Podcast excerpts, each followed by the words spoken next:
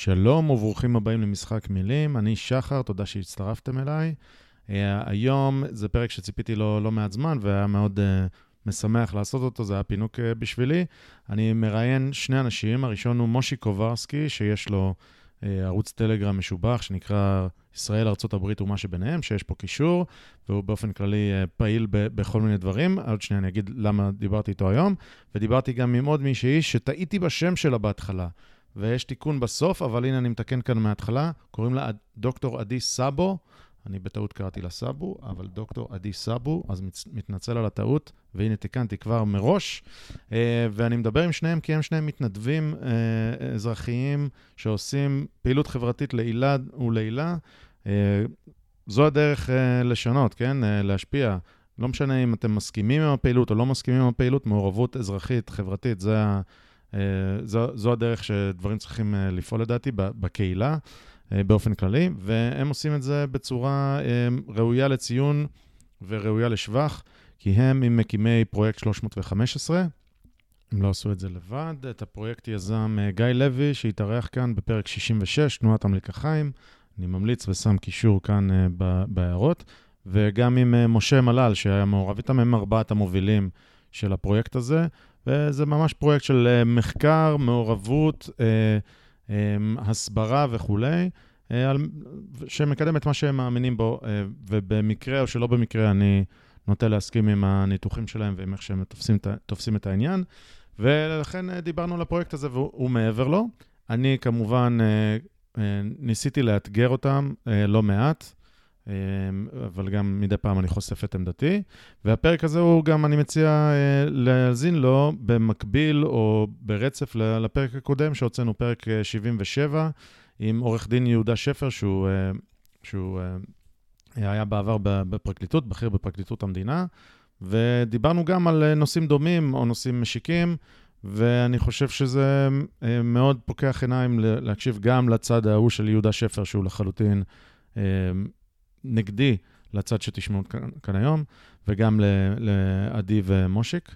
אז uh, אני ממליץ uh, לשמוע את כל הצדדים. Uh, גם אם זה לא כיף לשמ... לפעמים לשמוע את, את מי שאתם לא מסכימים איתו. אז זו ההמלצה שלי בכל אופן, ואני מאוד שמח שביצעתי את שתי השיחות האלה. והשיחה עם עדי ומושיק הייתה גם נעימה, גם מעניינת, גם עתירת פרטים, גם יש לכם פה כישורים לצלול מפה עד הודעה חדשה.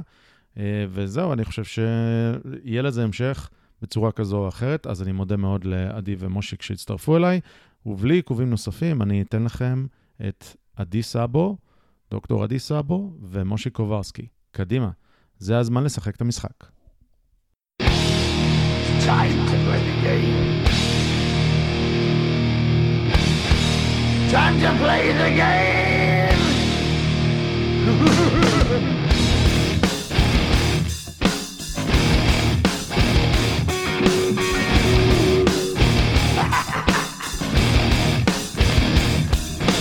It's all about the game and how you play it. All about control. And if you can take it, all about your debt. And if you can pay it, it's all about pay. And who's gonna make it? שלום וברוכים הבאים למשחק מילים, אני שחר, תודה שהצטרפתם אליי. אה, אני מזכיר שזה הפודקאסט שבו אני מנסה להישמע קצת יותר חכם ממה שאני ולא באמת מצליח, שאם תחשבו על זה אפשר לפרש את זה לשני הכיוונים. אז תחשבו על זה. היום יש לי הכבוד לארח את מושי קוברסקי ואת עדי סאבו, שניהם מהמקימים, היוזמים והמתחזקים של פרויקט 315. אהלן, עדי. שלום, בוקר טוב. אהלן, מושיק. אהלן. אה, אז אה, אני אתן פה איזושהי הקדמה ואספר עליכם טיפה, אבל הכי טוב שאתם תספרו על עצמכם בכמה מילים, תציגו את עצמכם, כמה משפטים, ומשם אנחנו נתחיל לדבר. אז uh, בבקשה. עדי, היידיס פרסט. אני אתחיל. Uh, טוב, אני מתגוררת בחיפה. במקצועי אני פסיכולוגית, דוקטור לפסיכולוגיה. Uh, כל חיי המקצועיים עסקתי בתחומי פסיכולוגיה שונים, טיפול, ייעוץ, uh, הנחיית קבוצות, ניהול בארגונים. לא חלמתי שאני אגיע לעסוק בתחומי משפט ופוליטיקה. התגלגלתי לזה פשוט כי אני אזרחית מודאגת ומעורבת. ומצאתי את עצמי בשנה האחרונה אה, פשוט מקדישה את כל הזמן הפנוי שלי לנושא משפט נתניהו, שאני קוראת לו משפט הפרקליטות. ואני מושיק, כן. מושיק קוברסקי, יליד נס ציונה, מתגורר בהפסקות 66 שנה.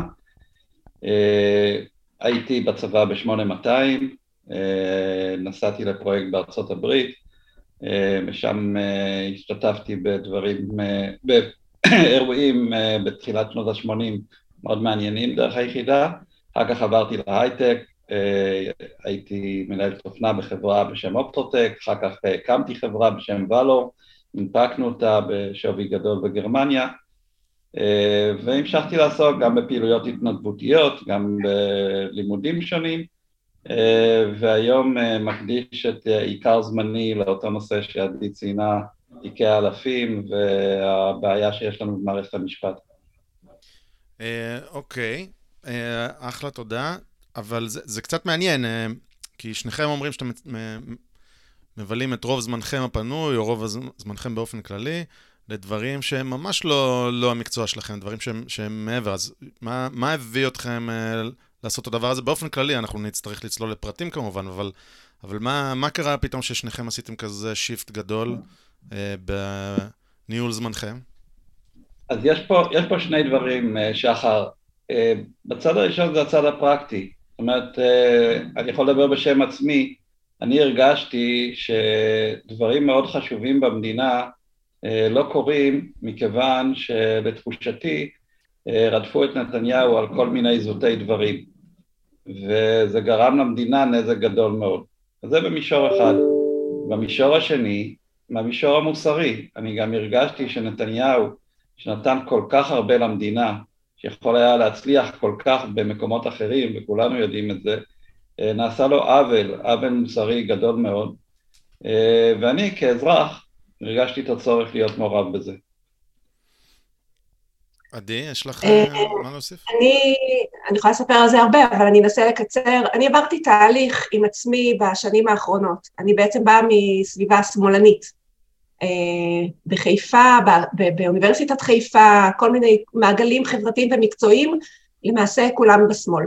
ועברתי תהליך בעשר שנים האחרונות של סוג של חשיבה פנימית, הבנה ש, שאני לא מאמינה לקלישאות של השמאל, ובהתחלה זה היה ביני לבין עצמי, ואז בהדרגה התחלתי להתבטא, זה היה בעצם תהליך של יציאה, יציאה מהארון הפוליטי. Mm-hmm. ותוך כדי היציאה, והתחלתי יותר לקרוא, לחקור, לשמוע דברים שקודם לא הייתי חשופה אליהם, והבנתי שעברתי איזשהו סוג של שטיפת מוח, נגד נתניהו, נגד הימין, נגד מתנחלים, נגד הליכוד, כי באמת הייתי חשופה לערוצי התקשורת המרכזיים, והתחלתי לחשוב בצורה עצמאית ולצאת נגד או מול כל הסביבה שלי, שילמתי על זה מחירים חברתיים, גם משפחתיים, אני, חלק מהמשפחה שלי לא בקשר איתי בעקבות מה שעברתי, אבל במהלך, ה... זאת אומרת, בתהליך שלי נכנסתי יותר ויותר לנושא הזה של העוול שמושיק תיאר, שנגרם לנתניהו, זה מאוד קומם אותי. אני, אני, אני הבנתי שהתקשורת משקרת, כי, כי נתניהו תורם, אני, אני מנתחת את המצב במדינה ב-12 השנים שהוא היה בשלטון, באמת אנחנו הלכנו ופרחנו, הפכנו למעצמה אנרגטית, כלכלית, ו- ו- אבל, אבל התקשורת אומרת לי ההפך, אומרים לי שרע פה. אז ככה הפכתי להיות יותר ויותר מעורבת, נכנסתי לכל מיני ארגונים, לפורום קפה שפירא, לאם תרצו, התחלתי להיות פעילה, ולמעשה את מושיק הכרתי בהפגנות. הפגנות uh, שהיו בשלוש שנים האחרונות, ככה, ככה התחילה החברות שלנו, שהיינו ככה מופיעים להפגנות עם דגלים, וזהו, נלחמים על, על הצדק שלנו. אוקיי. אני רוצה רק עוד דבר אחד, שחר, אתה אמרת שבאמת אין לנו את הקרדנציאל, אנחנו לא באים מעולם המשפט, ופה מדובר בנושא משפטי, אז שתי מילים להתייחס לזה. זה נכון, עובדתית, אבל אנחנו נחשפים להרבה מאוד אנשים שכן יש להם ניסיון משפטי מאוד מאוד גדול, והם איתנו בצוות, בין אם זה באולפן הפתוח, בין אם זה ב-315, שבצוות המתנדבים יש הרבה מאוד עורכי דין. אנחנו קוראים לעומק את הפרוטוקולים. חלק מהדברים זה לא ויכוח משפטי, זה ויכוח עובדתי. אני חושב שכשמדובר בוויכוח עובדתי אין יתרון לאיש משפט לגבי כל אזרח מן השורה, כי עובדות הן עובדות. אה, ולכן הניסיון לצייר אותנו כאנשים שהם under qualified לעסוק בדברים האלה הוא פשוט ניסיון להתחמק מדיון על העובדות עצמן. מעולה. ואני אז... אוסיף שיש לנו כן. כישורים אישיים, כן, מושיק, מושיק הוא יזם הייטק, אה, אדם באמת עתיר זכויות, הידע שלו בניתוחים סטטיסטיים, אני לא חושבת שלמשפטנים יש את הידע ואת היכולות של מושיק, אני באה גם מתחום מחקר, עשיתי אה, דוקטורט, אה, אנחנו בעצם משתמשים ביכולות שלנו כדי לנתח את הנתונים שאנחנו, אנחנו לא מתיימרים לתת ניתוחים משפטיים, את זה אנחנו משאירים למשפטנים. אנחנו באמת, כמו שמושיק אמר, אנחנו אוספים עובדות.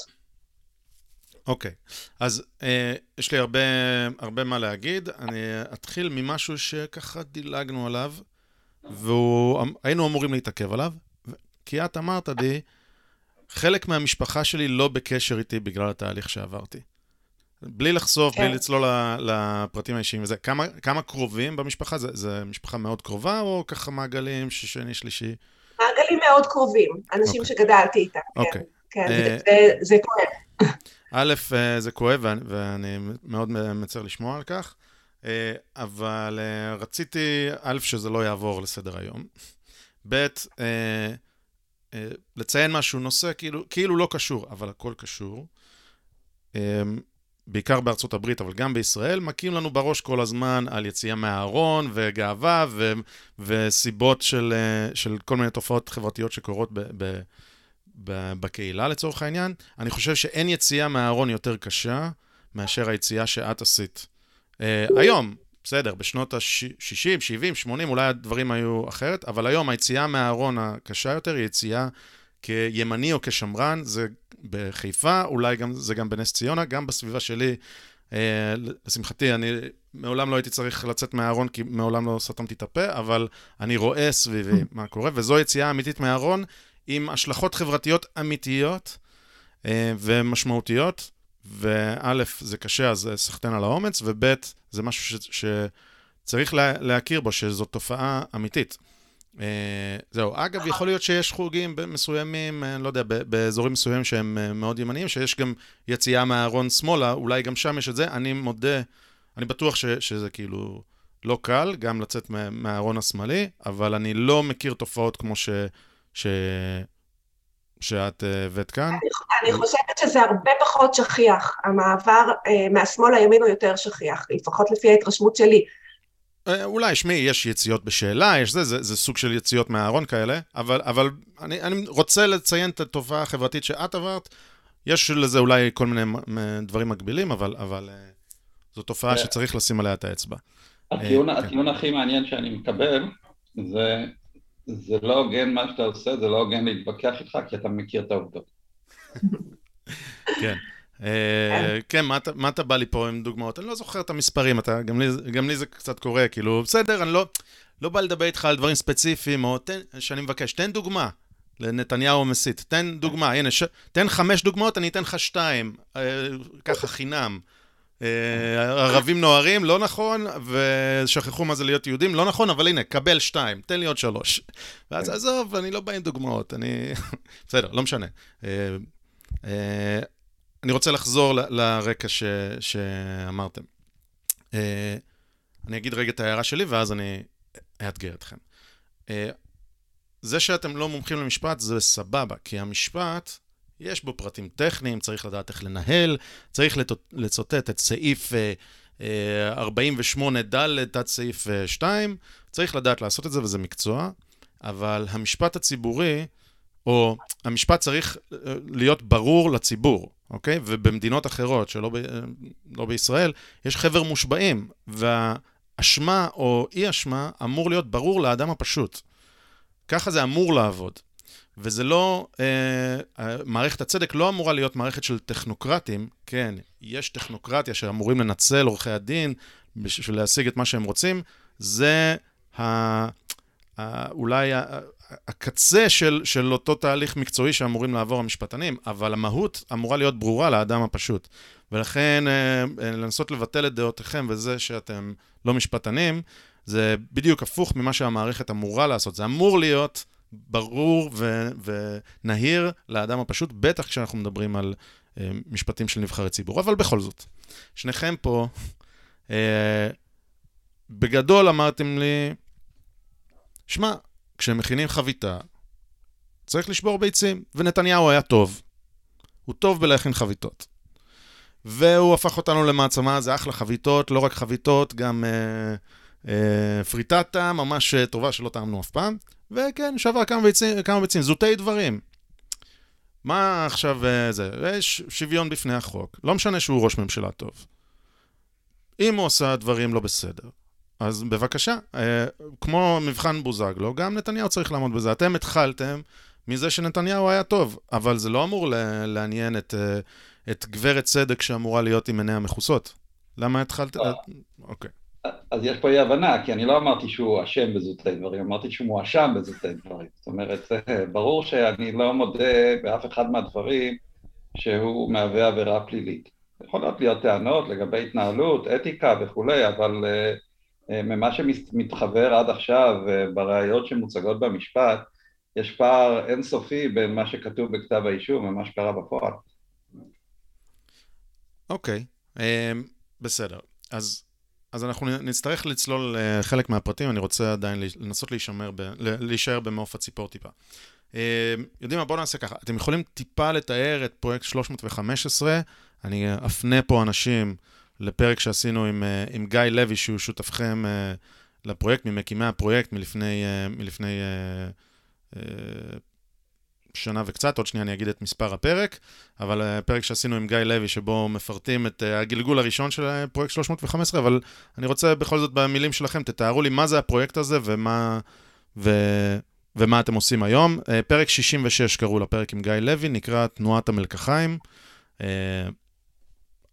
הנחתום יעיד על עיסתו ויגיד ששווה לשמוע, אבל כן. איזה פרק אנחנו היום? היום אנחנו נהיה בפרק 78. הייתה לי שנה איטית. מעבר אה, משפחה וזה, אבל, אבל כן. טוב, אז אני, אני אנסה לסרוק את ההתפתחות שלנו, מה, איפה היינו בהתחלה ואיפה אנחנו היום. אה, גיא לוי, כמו שאתה יודע, יזם, התחיל את הפרויקט כולו.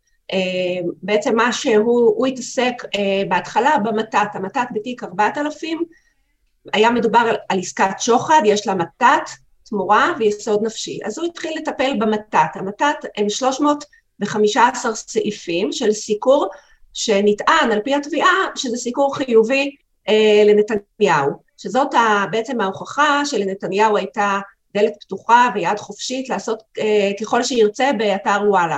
זה בעצם מה שהוא קיבל מאלוביץ', הבעלים של האתר. אה, אז גיא לוי התחיל לנתח את הסעיפים, הוא פנה למושיק, אה, לעזרה, מושיק פנה, זאת אומרת אני למעשה דיברתי עם מושיק ומושיק צירף אותי, אני לקחתי יחד איתי עוד חבר בשם אה, משה מלל, וככה הפכנו להיות ארבעה מובילים של הפרויקט, מאחורינו, לצידנו, עוד כמאה מתנדבים, שבעצם אנחנו חילקנו את 315 הסעיפים ביניהם, והתחילו לנתח את הסעיפים. מה בפועל קרה? 315 סעיפים, תתני רגע למי שלא עקב, 315... 315 סעיפים של סיקור חיובי כביכול לנתניהו באתר וואלה.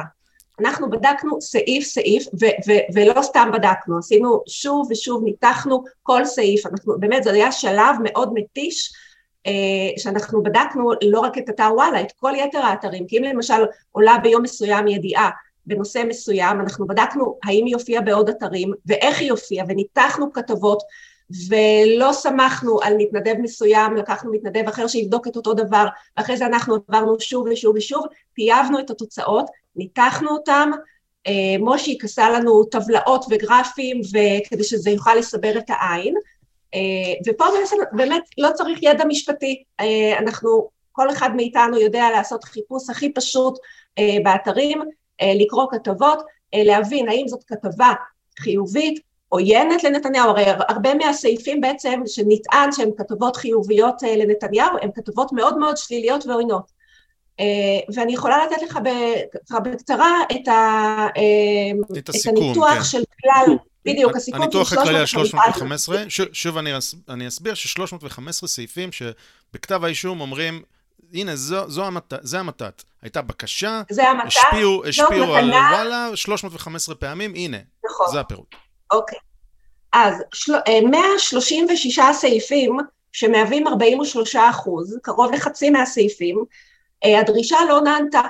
מה הכוונה לא נענתה? זה למעשה שקר.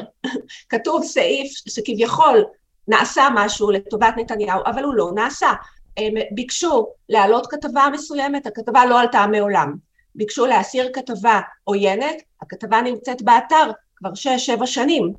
אה, ביקשו לדרדר כתבה ממקום אה, בולט אה, מרכזי באתר למקום זניח, הכתבה לא דורדרה. ביקשו לשנות כתבה, להוסיף כותרת, לשנות מילה פה, מילה שם, לשנות תמונה, זה לא נעשה. היו לנו כלים לבדוק את ההיסטוריה של, של האתר ובאמת לראות האם נעשו שינויים ממש אה, כל שעה, איך, איך נראה האתר כל שעה, וככה יכולנו לעשות באמת מעקב. אז כמו שאמרתי, כחצי מהמקרים זה שקר, פשוט לא היו דברים מעולם.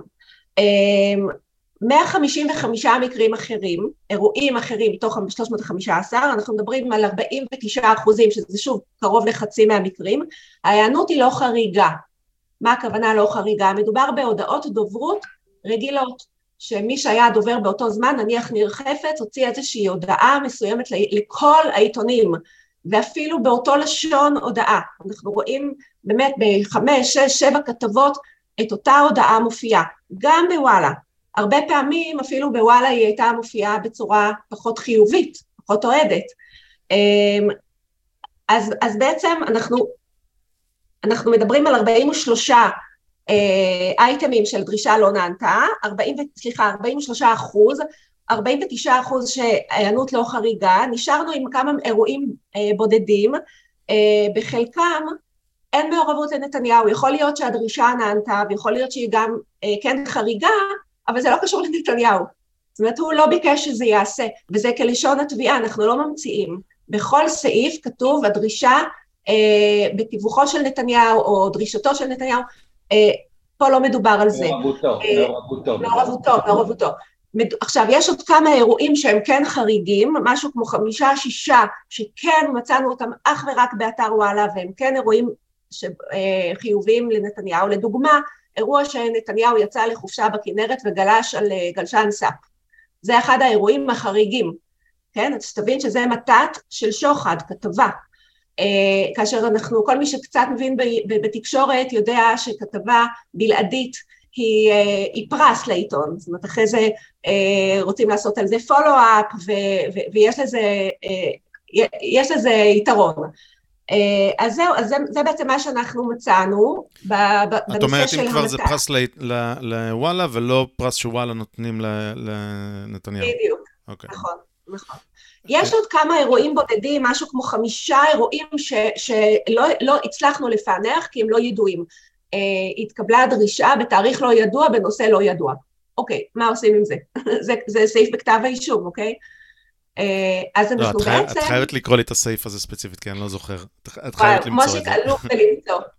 אז מושיק יחפש בינתיים, אבל אני חייב לראות. את הטקסט מילה במילה. אני אתן לך, אני אתן לך מקרה, יש לנו מקרים של וואו קראנו להם, שזה באמת כאילו אתה, אתה מחזיק את הראש, אתה לא מאמין. סעיף 47, דרישה להסרת פרסום שתוכנו אינו ידוע. הפרסום הוסר, אוקיי? זה, קיצרתי, אבל זה, זה לשון אה, הדרישה. נש- נשמע חמור. אה, מאוד מאוד חמור. עכשיו אנחנו עשינו את הבדיקה באמת לעומק של מה היה באותו אתר אה, בכל שעה, ומה הסתבר? הייתה דרישה אה, של אלוביץ' מאילן ישועה, אה, מנכ"ל האתר, זה לפי אה, זמנים, כי הם כותבים. שם ש- כן. יום ושעה? מהמם. הייתה כתבה שהופיעה ונעלמה. באותו יום הכתבה היחידה שהופיעה והוסרה היא כתבה שלא תאמין, כתבה לא מחמיאה על סילבן שלום. נתניהו לא קשור לזה בשום צורה, אבל זה סעיף בכתב האישום נגד נתניהו. עכשיו, הם יקראו לזה שגגה. כל כך הרבה שגגות מצאנו פה, שבאמת זה לא יאומן. מצאת, מושיק, את ה... אני אחפש. אוקיי. אוקיי, אני יכולה לתת לך כמה, עוד כמה... לא, אז, אז רגע, אז בוא, בואי, זה- יש לנו, אז, אז, התמונה הכללית היא כזו, אמרת 43 אחוז לא נענו, כמעט כן. 50 אחוז דברים, דוברות רגילים, אה, ועוד כ-8% שהם אה, דברים ש... שחלקם לא אה, קשורים אבל לנתניהו, חלקם... ארבעה אחוז אין מעורבות של נתניהו בכלל, אמ, עוד, עוד שני אחוז של אה, לא ידוע, זאת אומרת אין מספיק מידע ת- בשביל... תהיי שנייה. הצד השני, תגידי, מה המקרה הכי חמור, הסעיף, שבו את אומרת, וואלה, אה, נראה חריג. אפשר ללכת על האירועים באמת של אה, כתבה בלעדית, נתניהו גולש בכנרת, זה, הופיע רק בוואלה, זה כאילו אה, כתבה מלטפת לנתניהו, להראות שהוא ספורטיבי.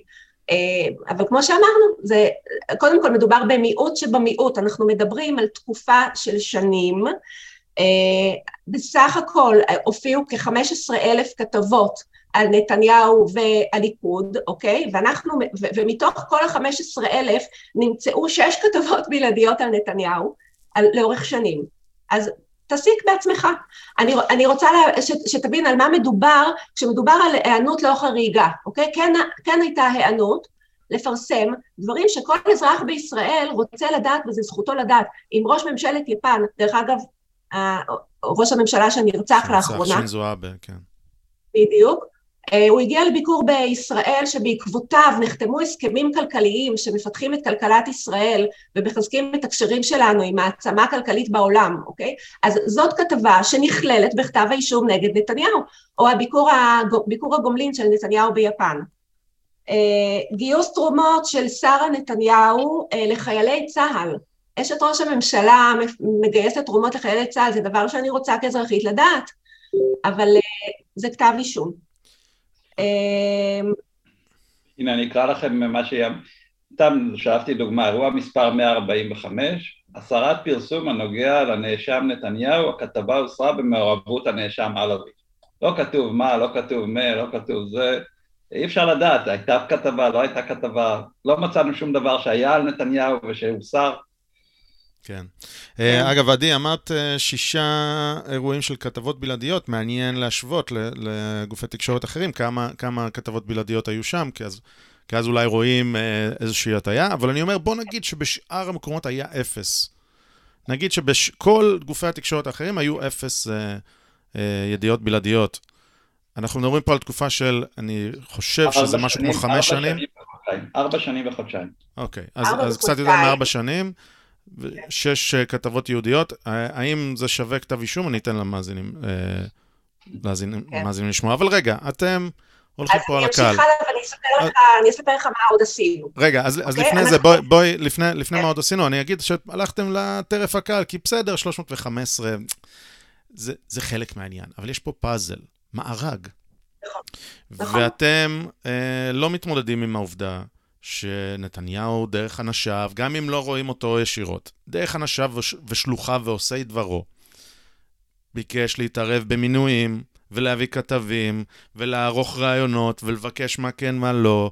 אני שמעתי את כל זה. אתם, היה שם שליטה מוחלטת. בעצם אלוביץ' היה בובת הגרב של בלפור, אוקיי? ו... וזה לא רק 315 אבל, כתבות, יש פה תמונה, מצרף אה, גדול אתה יותר, מצרף ראייתי. אתה קופץ, אתה קופץ לחלק של התמורה. אה, אני, אבל לפני לא, לא, שנגיע לא, לא. לתמורה, לא, לפני, לפני לא, הוא התמורה. מדבר על המתת, אני רוצה... על אה, המתת. המתת, אוקיי. אני אוקיי. אענה, אני אענה לך, כי אה, אותה עבודה שעשינו על ה-315 הייתה מיד עם פתיחת המשפט, אבל אז עלו העדים, והעדים השלימו את התמונה. עלה עד מספר אחד, שהוא היה לכאורה האס הגדול של התביעה, אילן ישוע. ואילן ישוע העיד במשך חמישה חודשים רצופים. ואז אנחנו התחלנו גם ללוות את המשפט בפרוטוקולים, ותכף עדי תתאר. ובעדותו של אילן ישוע נחשפו פרטים מדהימים. קודם כל, נתחיל מזה שנחשף שגם על דעתו וגם על דעת ניר חפץ שהביא אחר כך, אתר וואלה היה מדורג בתקופות בחירות, שזה תקופות הכי קריטיות, מספר 12 בדירוג האתרים שעניינו את נתניהו מבין אתרי החדשות, 12, כן, אני מדגיש. לפניו היה את כל ערוצי השידור וכל העיתונים וכל האתרים האחרים, כולל ynet, ווואלה היה 12 בתקופת בחירות, שזה ארבעה חודשים מתוך התקופה המדוברת, וכל היתר הוא היה הרבה פחות לטענת חפץ.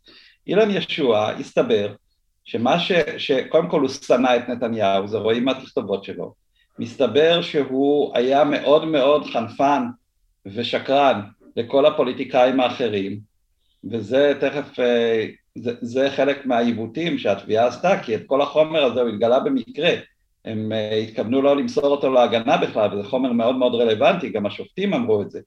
אז uh, כאשר החומר הזה התגלה, עלו משם דברים מדהימים, למשל שאילן ישוע היה ממש הגרופי של בוז'י הרצוג בבחירות 2015, ואמר לו דברים מחניפים, הכל נמצא באתר שלנו, יש לנו אזור שלם על הפינוקים שהוא קיבל, שכל האחרים קיבלו, אבי גבאי ובוז'י הרצוג ואביגדור ליברמן ונפתלי בנט.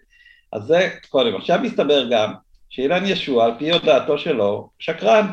זאת אומרת, באו עובדי וואלה ואומרים, שרה הייתה מתקשרת וצועקת על אילן ישוע, תכניס זה, תעשה זה. שאלו את אילן ישוע על דוכן העדים, אתה דיברת פעם עם שרה נתניהו? אומר לו, אבל העובדים שלו, הוא סיפר ששרה מתקשרת וצועקת עליו. אז עכשיו יש לך שורה שלמה שעובדים בוואלה, שהמציאו איזושהי אגדה אורבנית ששרה מתקשרת לעורך, למנכ"ל, וטוענת שצריך לעשות משהו, אבל המנכ"ל מעולם לא דיבר איתה, הוא מודה על זה בדוכן העדים, על דוכן העדים. עכשיו, אלוביץ' מבחינתו, ופה אני אפתח לך דלת, כי טוענים, אלו, יש הודעות בין אלוביץ' לאילן ישוע, שבו הוא אומר לאילן ישוע, תוריד את זה, תעשה את זה, ועל זה בעצם מתבססים כל ה-315.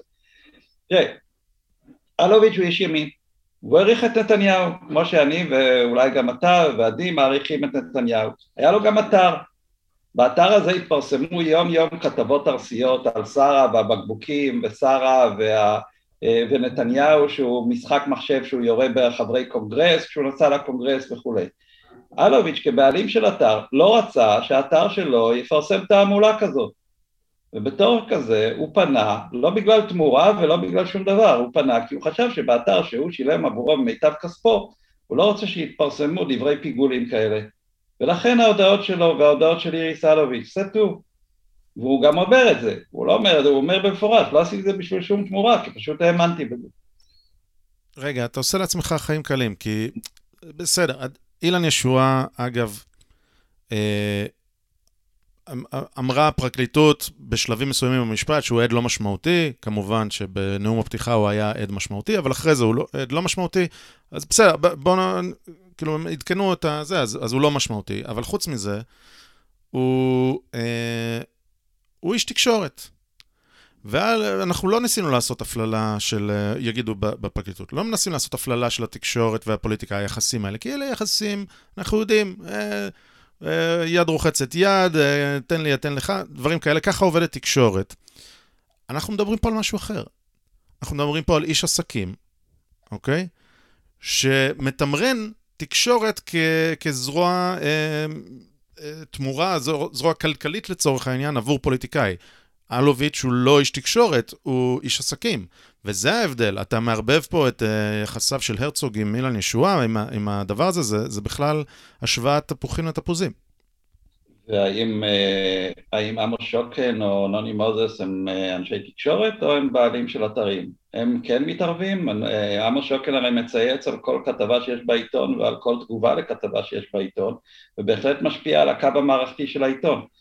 אנחנו מאמינים שבא להבדיל משידור ציבורי, כאשר יש למישהו אתר פרטי או, או ערוץ פרטי, הוא בהחלט יכול להשפיע על הקו המערכתי שלו, אני חושב שגם אתה מאמין בזה. הנטייה הזאת לקחת את uh, הדבר הזה ולהפליל אותו, כאשר אלוביץ', כשהוא מסיח לתומו, ועוד לא הגענו לכל הדברים שהתבררו בחקירה, אומר לבן שלו, כשהוא יודע שהוא לא מואזן, הוא חושב שהוא לא מואזן, אין לי מה לתת להם, זה לא נעשה כתוצאה משוחד. לא עשיתי את זה בשביל תמורה כלשהי. ואנחנו גם יודעים היום שלא הייתה תמורה. זאת אומרת, אנחנו יודעים היום שנתניהו לא התערב, שיחת ההנחיה וכולי, אפשר להגיע לזה אחר כך. אז זה לא מחזיק מים, כל התיאוריה הזאת. אוקיי, אז, אז בסדר.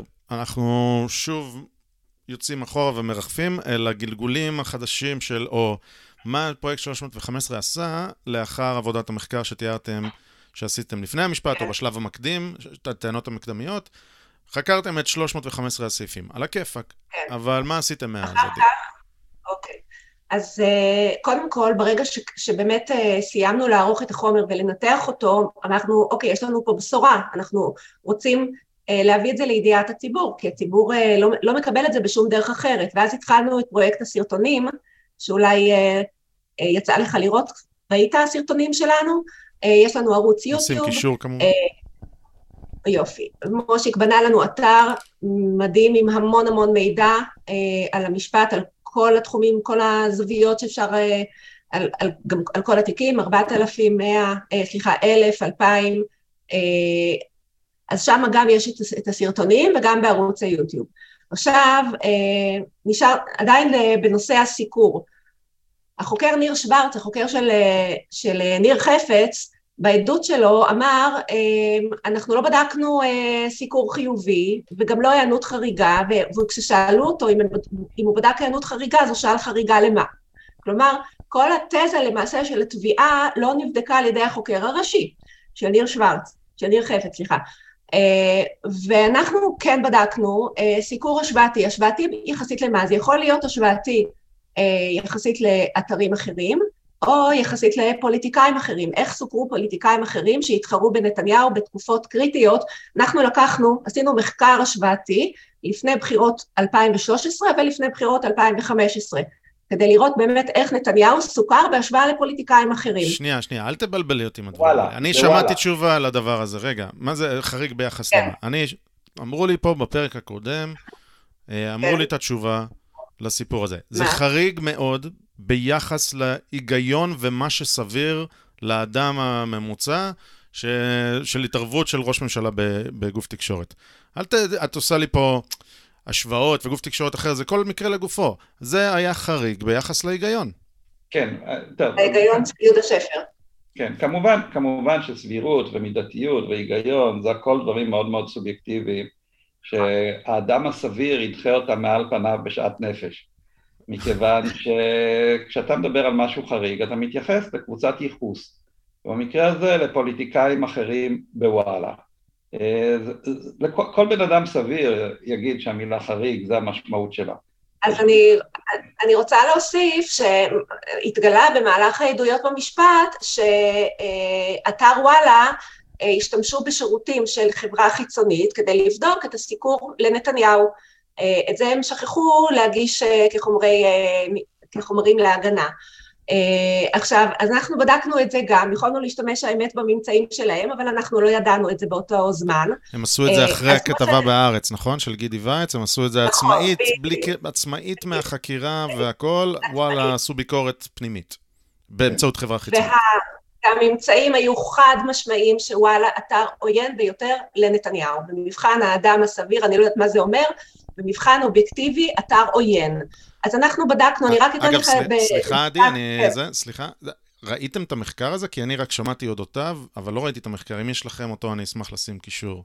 אני לא יודע אם, אה, אם, הוא, אם הוא גלוי לציבור. יש שם לא מידע הגנה, אבל לא, לא השגנו אותו. אוקיי.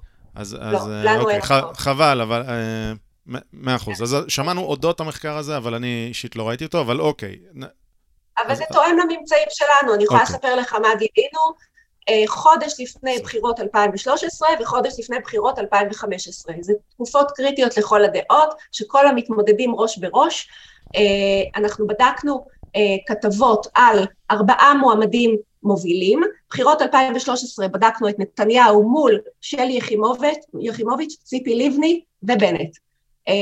ב-2015 בדקנו את נתניהו מול הרצוג, לבני ובנט.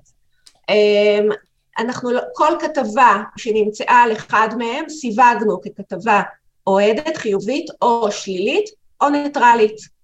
Um, הממצאים הם חד משמעיים שנתניהו הוא הפוליטיקאי הכי מושמץ, uh, עם הכי הרבה כתבות שליליות והכי מעט כתבות חיוביות. בכל מערכת בחירות היה לאתר וואלה איזשהו מועמד מוביל, אה, קראנו לו הבייבי שלהם, אז, אז בבחירות 2013 שלי יחימוביץ' קיבלה הכי הרבה כתבות אוהדות והכי פחות שליליות, ובבחירות 2015, כמו שאמרנו קודם, הרצוג, הוא היה המוביל של אתר וואלה. אה, מה עוד, מה שהיה מאוד מעניין שמצאנו, שהרצוג היה יושב ראש האופוזיציה, בזמן שנתניהו היה ראש הממשלה, לפני בחירות 2015. הרצוג לא רק שקיבל יותר כתבות, אה, זאת אומרת, אה, באחוזים יותר חיוביות ופחות שליליות, הוא גם קיבל אבסולוטית פי שתיים יותר סיקור מאשר נתניהו. זאת אומרת, יושב ראש האופוזיציה, שבאמת, עם כל הכבוד, הוא עושה פחות מראש ממשלה לטובת עם ישראל, הוא קיבל פי שתיים יותר סיקור וגם יותר חיובי. אז אלה הממצאים שלנו לגבי הסיקור ההשוואתי. אוקיי, אז עשיתם אנחנו סיקור עשינו עוד כל השוואתי. מיני מחקרים. כן. ככל שהמשפט התקדם, אנחנו באמת תוך כדי תנועה אה, גילינו צרכים לבדוק כל מיני נקודות. יש איזה אנקדוטה, ב- במהלך העדות של אה, אילן ישועה, הוא סיפר, שאל, הוא נשאל אה, על מני נפתלי, שהיה אב הבית אצל משפחת נתניהו ותבע אותם למשפט על, על כביכול התעמרות בעובד, אה, הוא אמר שהם אה, סיקרו אותו משהו כמו סביב העשר כתבות. ככה כלאחר יד, כאילו זה לא משהו אה, מרכזי. באותו יום שמענו את העדות של אילן ישועה, רצנו לעשות מחקר בזק, אספנו כמה חבר'ה, בדקנו את כל הכתבות, את כל הסיקור על מני נפתלי באותה תקופה, מצאנו כמאה כתבות. מאה כתבות, אבל לא סתם, ממש גילינו שאתר וואלה היה שותף פעיל בקמפיין של מני נפתלי כנגד משפחת נתניהו, אה, כולל גיוס המונים שמני נפתלי אה, רצה ל- אה, לצורך התביעה. אה, אתר וואלה פרסם שוב ושוב ושוב סרטון וידאו שמני נפתלי מציג את המסכנות שלו ואת פרטי חשבון הבנק שלו. זאת עוד דוגמה. כן, משה? אני רוצה רגע רק אה, לתת קצת צבע, דיברנו על זה שאילן ישוע, אותו אחד שהוא לכאורה היה שפוט של נתניהו ועשה כל מה שהוא רוצה, הודעה שנחשפה באקראי, כי התביעה לא טרחה להעביר את זה להגנה, אבל בחומר הנוסף שנמסר בעקבות התערבות השופטים, הודעה מאילן ישוע לבוז'י הרצוג, מחזיק לך אצבעות, ברכות על הסקרים, אל תהסס להיעזר בי ולסמס בכל שעה מצידי עשר פעמים ביום, החבר'ה בסדר איתך? אז הרצוג עונה לו, הכל בטיפול. אה, אז הוא אומר לו, יגן ישוע, אתה הולך לעשות היסטוריה, ובמיקום הזה ובנסיבות האלה תציל את עם ישראל פשוטו כמשמעו, ותהיה ההרצוג הגדול מכולם. להזכיר שאותו אילן ישוע לא דיבר מעולם עם נתניהו, כן? אה, אוקיי, אני... אה, יש לנו סרטון כן. שקראנו לו וואלה פינוקים. אפשר למצוא אותו גם בערוץ יוטיוב, שמתאר ככה, זה, זה, הוא מאוד מצחיק לראות את כל הפינוקים שאילן ישועה חילק לכל מיני אנשי אה, פוליטיקה. אה, כן. זה משעשע. אני לא זוכר באיזה- באיזו עדות זה עלה, רק בהקשרי מני נפתלי. אני זוכר שהייתה התכתבות שהם אמרו, "בואו- בואו רגע נוריד את הגז, את הרגל מהגז בהקשר למני נפתלי, נפתלי, כי זה נראה כי אנחנו עושים לו קמפיין או משהו כזה. אני לא זוכר באיזה עדות זה עלה, אבל, אבל חכו. סבבה שאילן ישוע עזר להרצוג וזה, כי זה, כמו שאמרת, אלוביץ' הוא איש ימין והוא מאמין בזה. וישוע הוא איש, כפי, כפי הנראה, איש שמאל, והוא מאמין בזה. אני, כשאני, יש לי דילמה משפטית, אני הולך תמיד ל... ל... אה, מרגולין יחידי, אוקיי? היא שופטת, שהייתה השופטת של איתמר שמעוני, ראש עיריית אשקלון. והיא הסבירה, היא התוותה באו- באוביטר בפסק דין, מה, אה, אה, כיצד, אני, אני יודע שזה למטיבי לכת כאן, אבל ח, ח, חכו איתי שנייה. היא בגדול פירטה מהם התנאים לכך ש, שסיקור חיובי, שימו לב, סיקור חיובי, יהפוך למשהו שהוא מתת לשוחד. והיא נתנה כל מיני תנאי סף כאלה, ואחד מהם היה, אם כלי התקשורת הוא עוין, והוא משנה עבור פוליטיקאי כזה או אחר את הקו שלו, אז זה מגדיל את, ה, את החשש. כלומר, סליחה, זה, הכלי, כלי התקשורת הוא עוין, ועצם זה שהוא מסיר קצת מהעוינות שלו, או, או ממתן אותה, זה בכלל מחזק את התזה של מתת, כי, כי זה באמת שינוי קו, זה באמת שינוי מגמה, ולכן מה שאתם מתארים לי פה נשמע כאילו אולי הוא מחזק את, ה, את התזה של uh, מתת לנתניהו. כי זה היה אתר עוין, והנה אנחנו מקררים אותו, לא? כן, תמיד אפשר להגיד שאם הם אה, קמו בבוקר וכתבו נתניהו הוא מסוכן מאוד למדינת ישראל, אז אה, בעצם מתת לנתניהו, מכיוון שיכלו לכתוב נתניהו מאוד מאוד מסוכן למדינת ישראל, והנה הורידו אותה מאוד מאוד.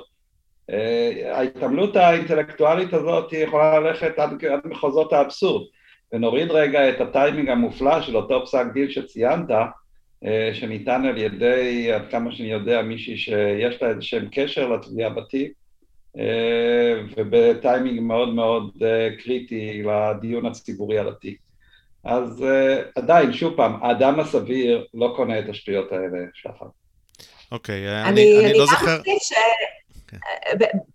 אפילו אדם שהוא לא משפטן יודע שהחובה של התביעה היא להוכיח את התזה שלה, לא של ההגנה להפריך, נכון? עד כמה שהבנתי.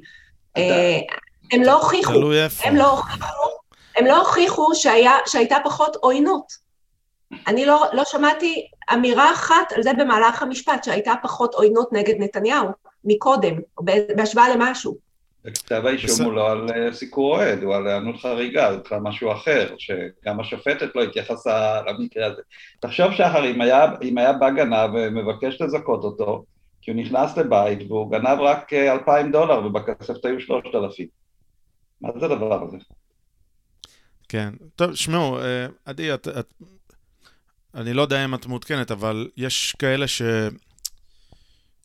שמה שאת טוענת שהתביעה צריכה להוכיח זה לא בדיוק נכון. כאילו, יש כאלה שהם, שלא ניתן להוכיח שהם לא טרוריסטים, אוקיי? יש כאלה. ויש כאלה שלא ניתן להוכיח שלא נתנו להם שוחד. אה, אני...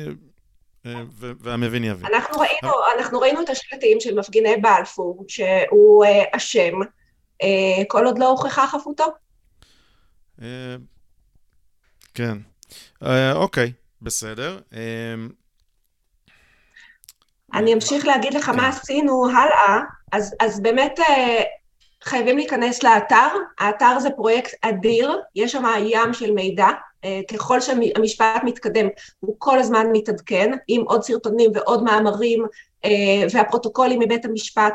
עכשיו אנחנו באמת, תראה, נכנסנו להרפתקה הזאת בלי לדעת לאן אנחנו הולכים. התחלנו, ומצאנו את עצמנו יותר ויותר ויותר מעורבים. אני עם הזמן התחלתי להופיע לדיונים בבית המשפט, אה, כי באמת אה, אלי ציפורי מדווח משם באולפן הפתוח של אה, כנרת בראשי ומביא את מה שקורה באולם, אבל הוא, היה לי צורך גם להעביר החוצה רשמים של איך מגיבים השופטים והסנגורים והפרקליטים והעיתונאים שיושבים באולם וככה להבין את האווירה, לראות את העדים, אז באמת בערך פעם בשבוע אני מגיעה לשם וגם מדווחת לחברים משם.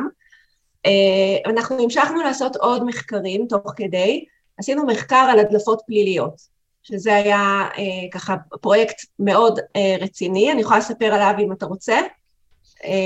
רק כן, לפני זה, לפני זה, עדי, אנחנו נכנסנו גם לכל נושא התמורה בתיק 4000. שזה... אז אולי קודם נדבר על התמורה לפני ההדלפות. כן, זה מה שנקרא אה, יער, ג'ונגל שאנשים אה, היססו להיכנס אליו. ובעזרת הרבה מאוד חומרים של אבי וייס, שהוא אה, חוקר אה, מדהים ואסף טונות טונות של מסמכים שאנשים לא היו מודעים אליהם, אה, אז בעיקר אני ניסיתי... הוא, הוא הבעלים של האתר טלקום ניוז, הוא גם התארח כאן באחד הפרקים שעוד מעט אני אגיד איזה פרק, ובגדול הוא מלווה... מומחה תקשורת רגולציה, הוא עבד בזה הרבה זמן, הוא גם ניצב משנה בדימוס, אם אני זוכר את הדרגה נכון. נכון. אה, נכון. כן, אז זה אבי וייס, כן, דבר. נכון, והוא uh, חקר את נושא התקשורת בישראל הרבה לפני כל הפרשות האלה, כאשר יש לו פרספקטיבה היסטורית ארוכת שנים.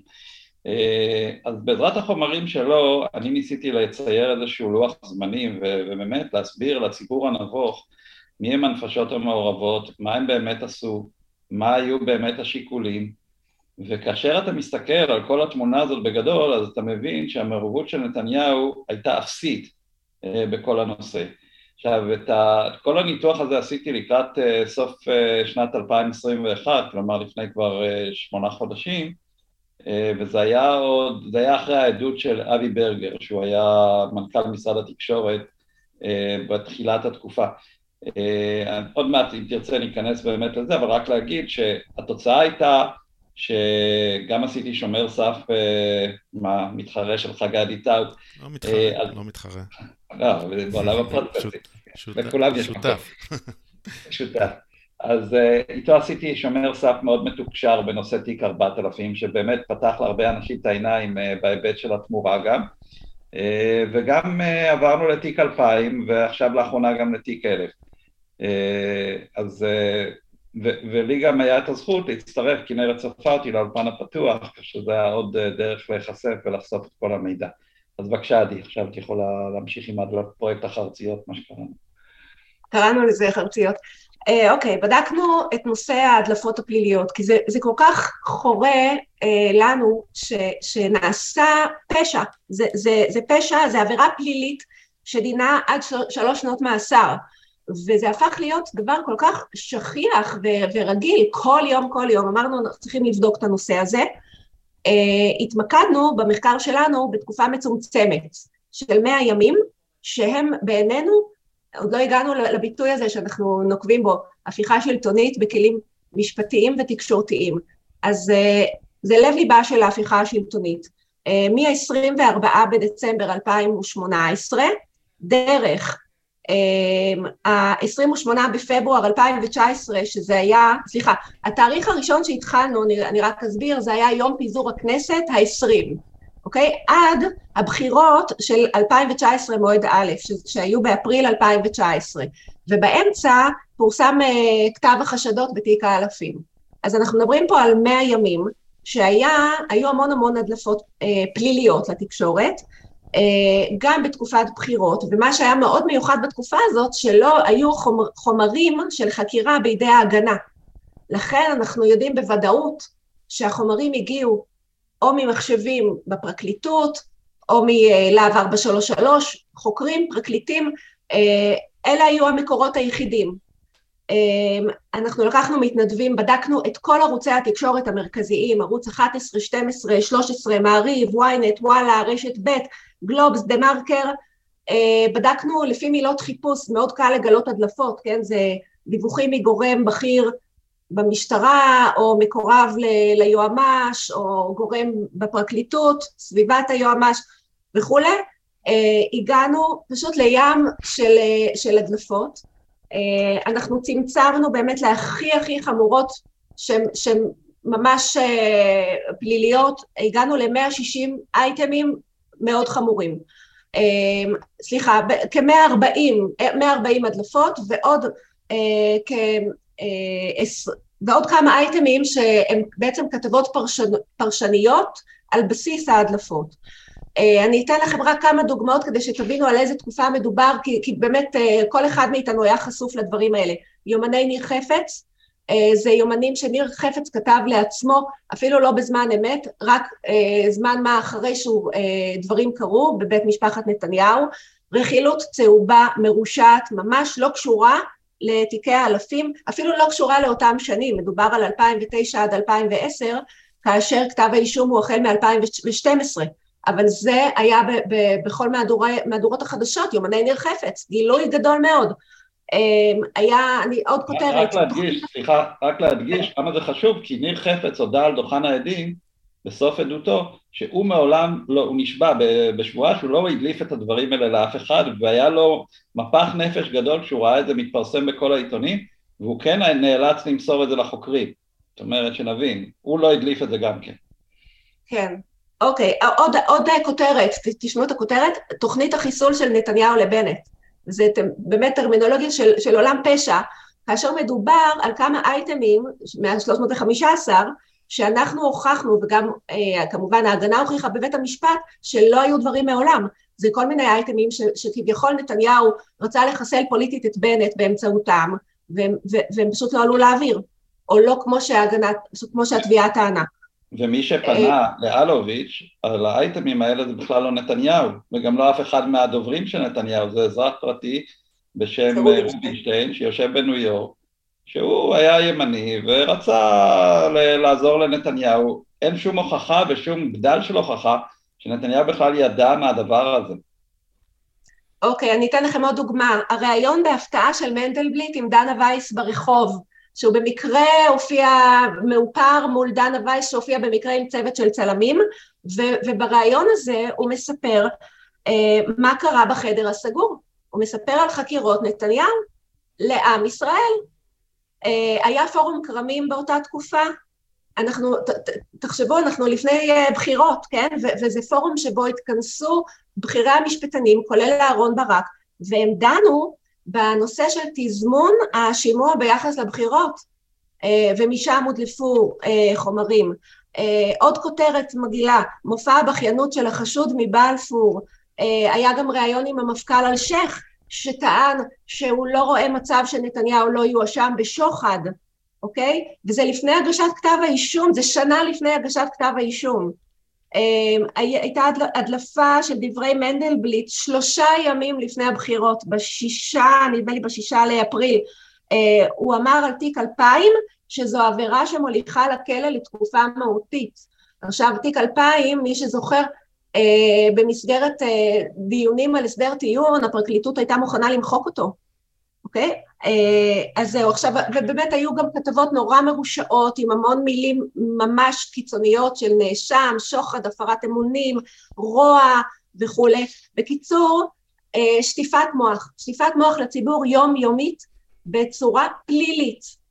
אמ, אנחנו בעצם, אי אפשר להימנע מלחשוב, מלראות את שיתוף הפעולה המדהים הזה בין גורמי תקשורת לגורמים, גורמי אכיפה, פרקליטות, משטרה, וההבנה היא שנתניהו באותן בחירות התמודד לא מול היריבים הפוליטיים שלו אה, בכנסת, אלא מול הפרקליטות. זאת הייתה המפלגה שעמדה מולו. שנייה, אה, למה, רק... למה עקרונית זה לא בסדר? אנחנו, אנחנו יודעים ש...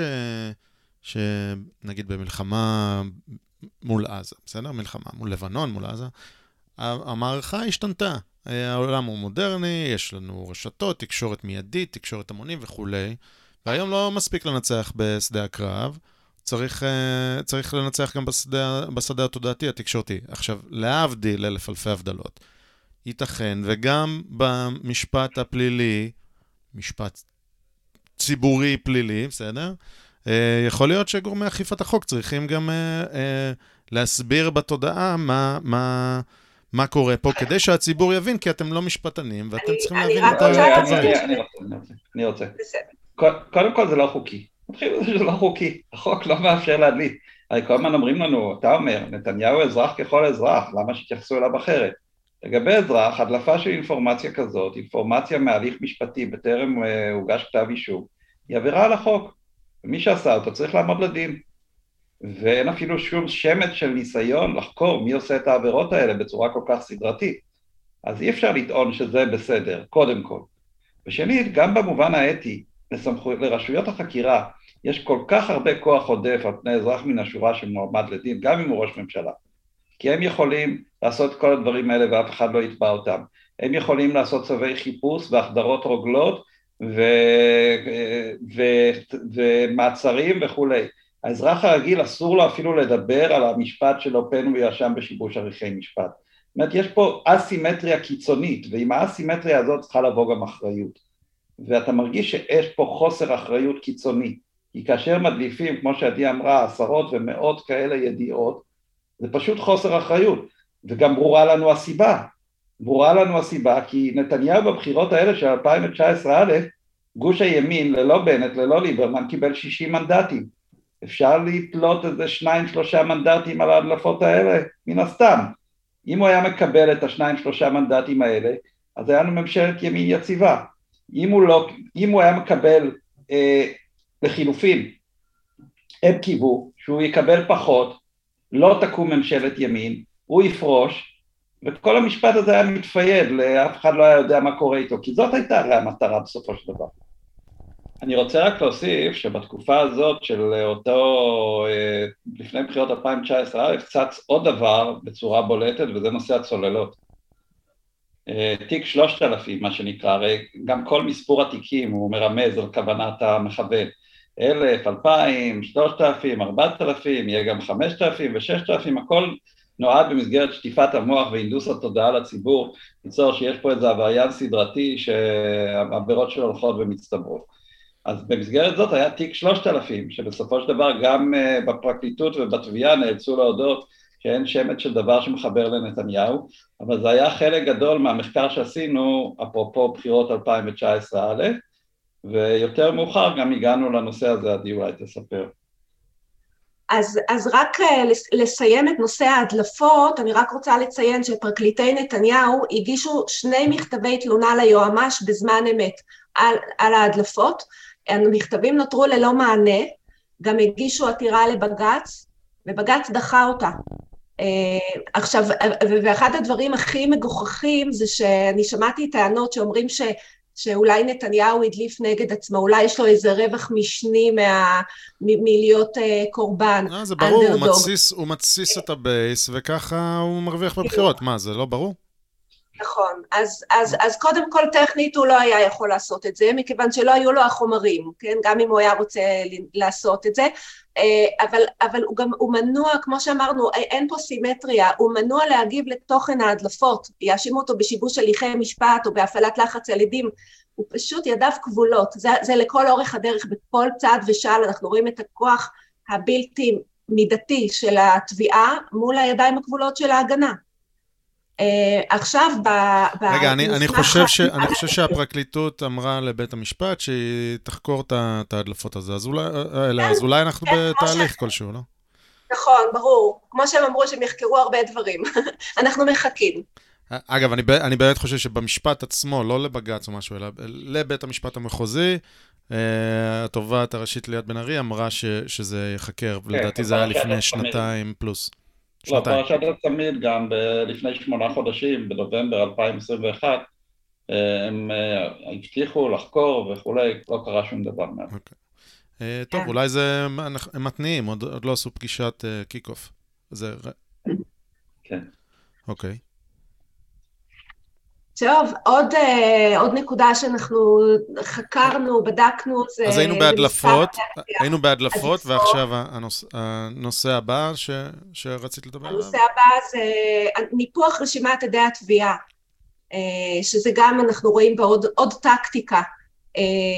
יש שלוש, זאת אומרת במקור המספר הראשוני היה 333 עדי תביעה, ברשימה שהתביעה הציגה, אה, מתוכם שלושה עדי מדינה, ניר חפץ, ארי הרו ושלמה פילבר. אה, בינתיים שלושה לצערנו נפטרו, אה, וגם התביעה ביקשה להוסיף שלושה, אז אנחנו פלוס שלושה מינוס שלושה. אנחנו בעדות של העדה החמש עשרה, ככה שצפויים לנו עוד מעל 300 עדים, אוקיי? 318. אנחנו לא יודעים לכמה שנים קדימה ואיזה עוד שינויים יהיו, וזה לא כולל עדי הגנה. כלומר, אפשר... אנחנו מדברים על מספר פשוט מטורף. אפשר שנייה להגיד משהו על זה? אפשר לדבר על, על מערכת המשפט וההטייה וה, האידיאולוגית של המערכת, או ההטייה האידיאולוגית שלי, בביקורת עליה והכל, אבל אני רק רוצה באמת שוב לא לעבור לסדר היום על השירות המזעזע לאזרח שהמערכת הזאת נותנת, אוקיי? בתור מישהו שעבר מארצות הברית לפני אה, לא הרבה זמן, זה מדהים לראות משפט בארצות הברית שמתנהל יום אחר יום, ומסתיים תיקים, תיקי ענק כאלה וזה, שמסתיימים תוך יומיים לפעמים, תיק גדול שזה מסתיים תוך שבועיים, שלושה, חודשיים נגיד. אלה תיקי הענק העצומים שזה, ופשוט המערכת המשפטית שם באה ועושה, ברגע שמתחיל המשפט, בום, בום, בום, בום, בום, ויש לי אה, אה, גם אה, ידע אישי על כל מיני הליכים משפטיים ש, שקורים שם, זה פשוט קורה מהר. ואנחנו פה מצפים, אני זוכר שסיפרתי את זה לחבר של המשפחה האמריקאי, לפני שהתחיל המשפט, הוא ממש בתחילתו, ואמרתי, כן, ויש פה חלק מהעניין זה שההליך הזה ייקח, לא יודע, שבע, שמונה, עשר שנים, ייקח המשפט הזה. הוא הסתכל עליי פשוט, והוא, והוא חשב שאני צוחק, הוא לא האמין לדבר הזה. ואנחנו כולנו מצפים, אני מזכיר, המשפט הזה התחיל לפני שנה וחצי כבר, אוקיי? שלא לדבר על ההליכים לפני, וכתב החשדות, ושימוע, וזה. המשפט הזה התחיל לפני שנה וחצי, היה לנו עד אחד, אה, ישוע, שלקח לו חמישה חודשים לתת עדות. זה פשוט שירות כל כך גרוע בקצבים, באיך שהדברים מתנהלים, בכמה הם לוקחים... ו- אבל אני, אני לא מדבר על משפט נתניהו, אני אומר באופן כללי, וכמובן גם משפט נתניהו. ואנחנו רק בעדה החמישה עשר, מספר 15, נכון. ויש לנו עוד 330, ואז רק נתחיל את ההגנה, ואז יהיה סיכומים, ובכלל אנחנו בפגרה עד אחרי סוכות, וכולי וכולי. זה פשוט מערכת שלא משרתת אותנו האזרחים. וחוץ מזה, בתוך משפט נתניהו, את מדברת על טקטיקה ועל זה, ואני אני, אה, כמובן נוטה להסכים איתך, אבל, אבל אני, אולי זה לא רק טקטיקה נגד נתניהו. כל דבר כזה, שעות לעורכי דין, וזה, כל דבר כזה זה כסף. זה אנשים שלא יכולים להתמודד עם הדבר הזה. כן. בעניין הזה אני רוצה להגיד שאנחנו עשינו סרטון, מושיק עשה לנו חישובים אה, על, על עלויות, העלויות שאנחנו, הציבור הישראלי, משלם על, אה, על, המשפט, על המשפט הזה, על כל התיקים, חקירות בארץ, בחו"ל, פרקליטים, חוקרי משטרה, ההפסדים שלנו כתוצאה מהעיכוב ברכש הצוללות, כתוצאה מהעיכוב בפריסת הסיבים האופטיים, יש לנו סרטון על זה, קוראים לו כמה זה עולה לנו, תסתכלו באתר או בערוץ יוטיוב, זה פשוט מדהים וזה מאוד מקומם. אני, אתה רוצה שאני אדבר על העדים קצת? תני סקירה כללית ואז... סקירה כללית, אז, אז אני, מה שבעצם סקרן אותנו זה שהעובדה שחלק ניכר מעדי התביעה זה אנשים שהם מסביבתו הקרובה מאוד של נתניהו, והם, והם גם מתבטאים פומבית שמאמינים בחפותו. אז זה, זה לי היה מוזר, למה, איך, איך הם ברשימת עדי התביעה. אז אני ראיינתי כמה מהם, בלי להזכיר שמות, והגעתי לכל מיני תובנות שהם בעצם אה, שיתפו אותי. קודם כל, ברגע, ש, ברגע שסביבתו המאוד קרובה של נתניהו, שזה יועצים שלו ו, ואנשים במעגלים הקרובים שלו, הופכים לעדי תביעה, או עוד יותר גרוע, עדי, עדי מדינה, מופעל עליו לחץ אדיר, תחתום על הסדר טיעון ופרוש מחיים הפוליטיים, כי הוא בעצם מבין שאין לו סיכוי, כולם נגדו, וכנראה יש, לו, יש להם המון המון חומר מרשיע נגדו. אז קודם כל זה לחץ ישירות על נתניהו. יש פה השפעה על דעת קהל. אם כל סביבת נתניהו יוצאת נגדו, גם הכי מקורבים, אז כנראה יש שם משהו, כן? משהו, משהו שם מקולקל בסביבה שלו ובו. יש פה אלמנט של הפחדת העדים. המסר הוא שכל מי שמתקרב לסביבת נתניהו עלול להיפגע, לעבור חקירות, אנחנו יודעים מה עברו העדים. חקירות ועינויים, אולי נדבר על זה בהמשך, אה, פגיעה בשם הטוב שלהם, פגיעה במשפחה, פגיעה כלכלית, בעסקים. אה, חלק מהעדים עדיין עובדים בעולם התקשורת והם מסומנים, אוקיי? Okay? אז, אז אה, זה באמת אפקט על העדים עצמם, ומאוד חמור, פגיעה בהגנה. התביעה נמצאת בעמדת כוח, כמו שאמרנו זה מאוד לא סימטרי, ההגנה רק מגיבה, התביעה יכולה לשנות את הרשימה, לחייב אדם להעיד, להכניס אדם חדש, או לא לזמן מישהו שנמצא ברשימה, אה, לפי רצונה.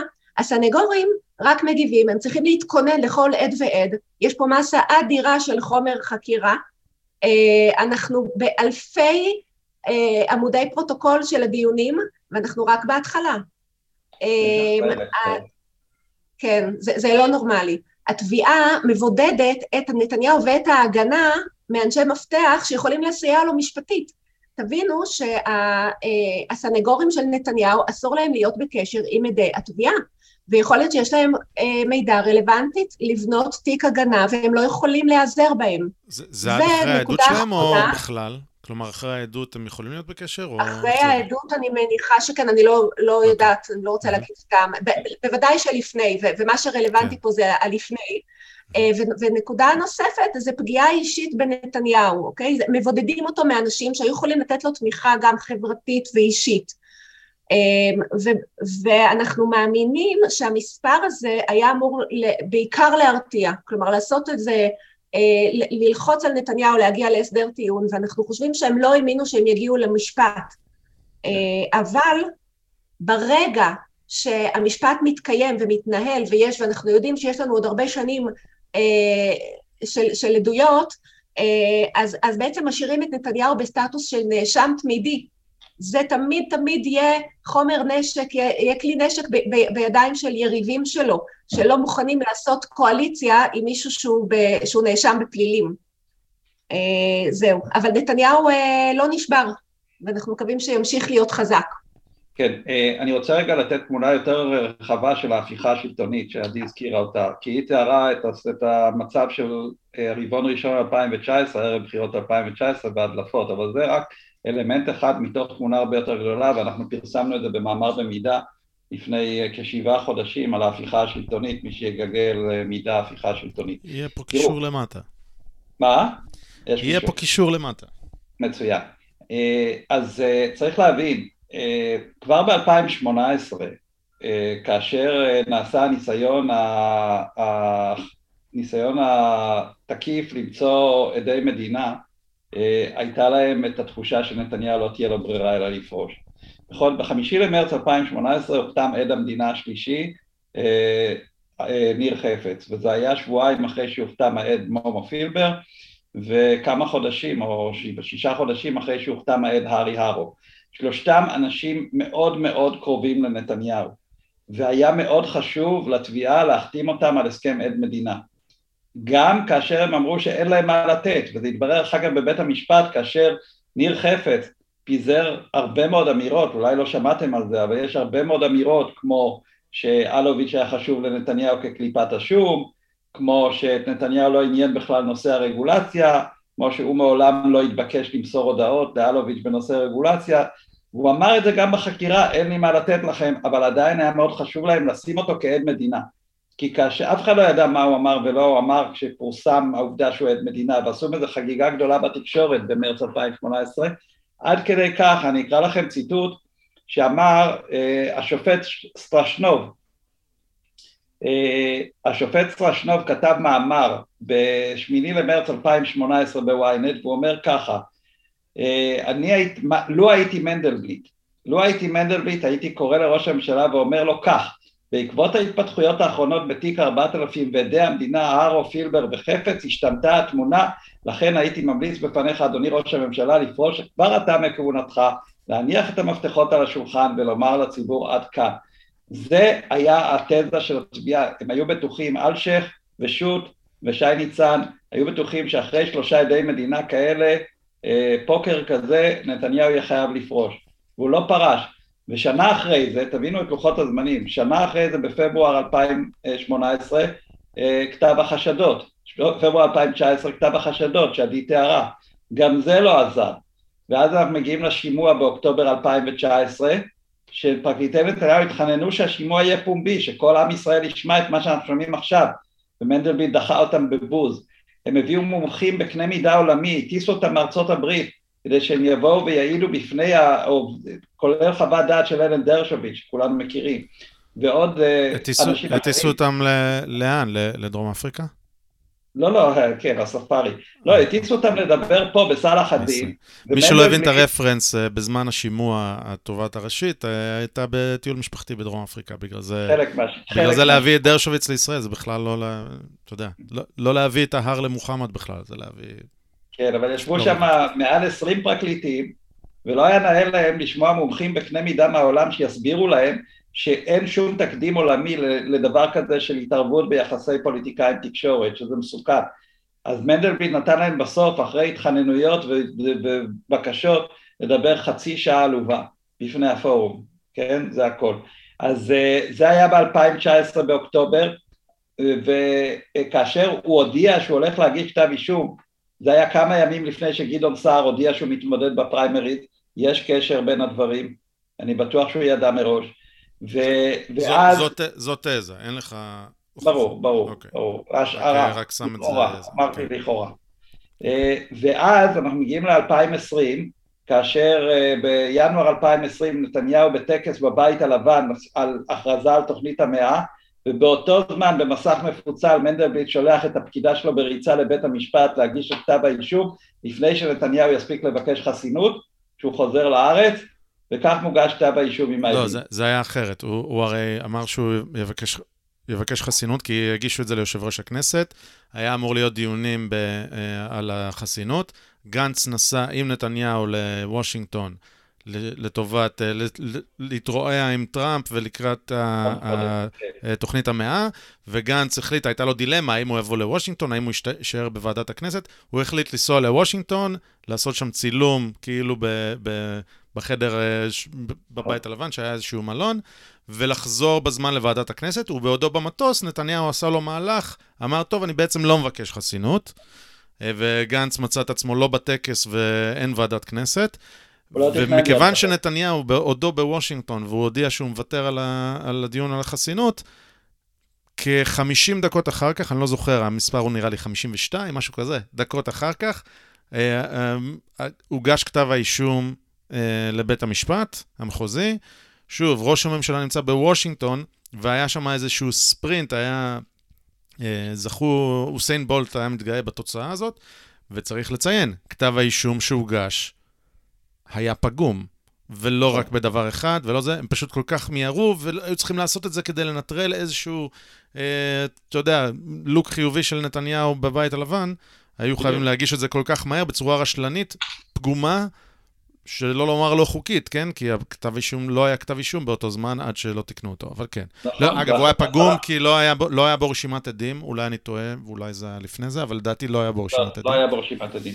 אה, שזה לא, לא תקין, וכמובן שלא היה בו, זה כבר תיקונים של אחרי זה בטיעונים המקדימים, בטענות המקדימות למשפט, לא היה בו בעצם את המתת, היה שם פלאף, היה שם ענן של סיקור חיובי, במקום להגיד, אוקיי, הנה אירוע מספר 1, אירוע מספר 2, מה שהוליד לימים 315 אה, טענות. אה, נכון. כן, אז סליחה. תיארת במדויק, כתב האישום הסופי הוגש בשלישי לינואר 2021, אה, אחרי כל דיוני הטענות המקדמיות, דיוני ההוכחות התחילו בחמישי לאפריל 2021, והנה אנחנו היום נמצאים באוגוסט 2022. אז אה, יש פה, יש פה היסטוריה ארוכה של ההפיכה השלטונית הזאת, ועוד לא הלכנו מה שהיה בשלוש השנים הראשונות, כל המקורות המשטרתיים וכו'. אוקיי, okay, אז שנייה. סבבה, אני פה זורם איתכם על כל מיני דברים וזה. אבל רגע, אתם, אתם קופצים לגמרי. אה, אנחנו 14 וחצי עד, עדים לתוך המשפט. אמרת די שהרבה עדים זה טקטיקה, אולי. אבל רגע, יש לנו פה עוד 320 פלוס עדים, 320 אה, עדים בערך, בשביל לתת פה את המארג המורכב והעתיר בפרטים ש... ש... אה, להסביר לכם אותו. יש פה פאזל שלם, תמונה כללית. אתם פה בזכוכית מגדלת מסתכלים על 14 עדים, ואתם לא מבינים שהתמונה היא הרבה יותר שלמה מזה והרבה יותר מורכבת. ואתם קופצים לי מאוד מוקדם. ולא רק שאתם קופצים ואומרים, התיק קרס, לא יודעים, אין מתת, אין uh, תמורה, אין זה, אתם קפצתם עם זה. לא רק זה, אתם קפצתם עוד שלב אחד משמעותי מעבר לזה. גם אם היו שגגות פה, אוקיי? גם אם יש פה כל מיני דברים שהם לא בסדר, אה, בטעות אין רשימת עדים, בסדר? אה, מישהו אה, התרשל, סבבה, נכון, יש פה התרשלות. אבל אתם מפה קפצתם להפיכה שלטונית, לתפירת תיק. אתם השתגעתם? מה, הרי, הרי זה מגוחך לחשוב שכזה דבר, אה, מערכת שלמה של עשרות פרקליטים ושוטרים, ואני מזכיר לכם מי מינה את אלשיך, מי מינה את שי ניצן, מי מינה את מנדלבליט, כן, זה נתניהו עצמו. אתם אומרים שהאנשים האלה שנתניהו מינה, אה, אולי הם טעו, אבל אתם טוענים לתפירת תיקים, חבר'ה. אה, בבקשה, טיפסתם על עץ גבוה מדי, אני מבקש. אני רואה שמושיק קשה לו להתאפק, אז מושיק, דבר. אנחנו נחלק בינינו את העבודה, נחלק את העבודה. אני אדבר רגע על העדים, ואת תדברי על השגגות. אז אה, תתכונני, יש לך בטח מה להגיד. אה, תראה, לטענה שלך לגבי מספר העדים שהעידו, לא כל עד הוא אותו דבר. ברשימת העדים יש שוטר א', שוטר ב', אה, מומחי איכונים א', מומחי איכונים ב', ויש את העדים המרכזיים, שנבין, עיקר האינטרפייס שכתב האישום מתייחס אליו נעשה בין מנכ"לי משרד התקשורת באותה תקופה, הדובר הראשי של נתניהו והמנכ"ל של אתר וואלה. אני כרגע מדבר רק על תיק 4000, שהוא התיק המרכזי, זה תיק השוחד. כל האנשים האלה העידו והעידו ארוכות, שנבין. אני, עכשיו אני אכנס לזה שנייה, כי הלוח זמנים פה חשוב. כתב האישום של תיק 4000 הוא התקופה מדצמבר 2012 עד ינואר 2017, ארבע שנים וחודשיים. במהלך התקופה הזאת היו שני מנכ"לים למשרד התקשורת. היה המנכ"ל אבי ברגר במשך שנתיים וחצי, והיה המנכ"ל שלמה פילבר במשך שנה וחצי, כן? אחד אחרי השני. זה שני המנכ"לים של משרד התקשורת. הקשר מבחינת דוברות, חלק מהתקופה, לא כולה, רק מתחילת 2000, מאמצע 2014, היה ניר חפץ המדובר. בהתחלה כיועץ אסטרטגי ואחר כך יועץ משפחתי, כאילו שהעביר דרישות סיכום מטעם המשפחה. אז הוא העיד. גם ברגר וגם פילבר העידו, כן? האישיות הנוספת במשרד התקשורת שהייתה לאורך כל התקופה והיא חשובה היא היועצת המשפטית של משרד התקשורת שמה דנה נויפלד וגם היא העידה, היא הייתה ארבע שנים שם, כן? אז אה, ויש לנו אה, את אה, אילן ישוע שהוא היה הצד המקבל כאילו באתר וואלה שלכאורה קיבל את הדרישות כאמור לא דיבר מעולם עם שרה, לא דיבר מעולם עם ביבי דיבר אך ורק עם ניר חפץ ולניר חפץ, הסתבר בעדות שלו, היה המון אינטרסים בוואלה ואצל שאול אלוביץ' ובבזק שלא קשורים בכלל לנתניהו, זה גם עלה בעדות. אז אלה בעצם העדים העיקריים. כל העדים מסביבם הם חשובים, אבל הם עדים פריפריאליים. בדרך כלל אלו עדים שבמהלך העדות של אותם עדים עיקריים, הדברים שלהם עלו כדברים שסותרים את דברי העדים העיקריים, דברים שמעידו במשטרה, כי הם לא עדי מדינה. אם זה העוזרת של מומו פילבר, עדי כהן גונן, ואם זה הסמנכ"ל של המשרד התקשורת לאכיפה, מימון שמילה, הם עדים חשובים, אבל הם לא יכלו לשנות במהות את הדברים שאותם עדים ראשיים אמרו, ואצל כל אחד מהעדים האלה שציינתי, אה, ראינו קריסה, לא של כתב האישום, אבל של הטענות שהתקשורת השמעה שכאילו, השמיעה שהם כאילו אומרים. זאת אומרת, הם כשלעצמם סתרו הרבה מאוד מהדברים האלה, נאלצו לסתור בעקבות החקירה הנגדית. כך שהמספר פה לא מעיד על האיכות, אלה באמת העדים העיקריים. נכון, אפשר להגיד שנחכה עד שעד מספר 321, אה, נערת המים, אה, תגיש. אה, זה, זה לא ישנה את התמונה בגדול. העדים האלה שהעידו הם הם העדים העיקריים. ואנחנו לא, אני, אני לא בא להגיד שכתב האישום קורס, מכיוון שאני לא יודע איך השופטים יתייחסו לכל העניין הזה. אבל בהחלט מבחינת הראיות נראה שהן לא מתכתבות עם כתב האישום. וכל עד ועד אפשר כמובן להיכנס בפירוט ולתאר וכולי. אוקיי. אה, אז אני זורם איתך. דבר, דבר אחד חשוב, כן. שחר, את העדים שבאמת חשוב להביא, וזה יותר למעגל השני של איך התבצעה החקירה, הם נרתעים מלהביא אותם. זאת אומרת, העדות של שני החוקרים של ניר חפץ הייתה פיאסקו אחד גדול, וחלקה הייתה, שימו לב, בדלתיים סגורות, כי לא רצו שיתוודעו כל מעללי המשטרה, התרגיל המקורבת הבזוי, שלא ניכנס אליו מטעמי איסור פרסום, אבל מי שיודע, יודע מה שנעשה שם לניר חפץ ואיך כפו עליו להיות עד מדינה.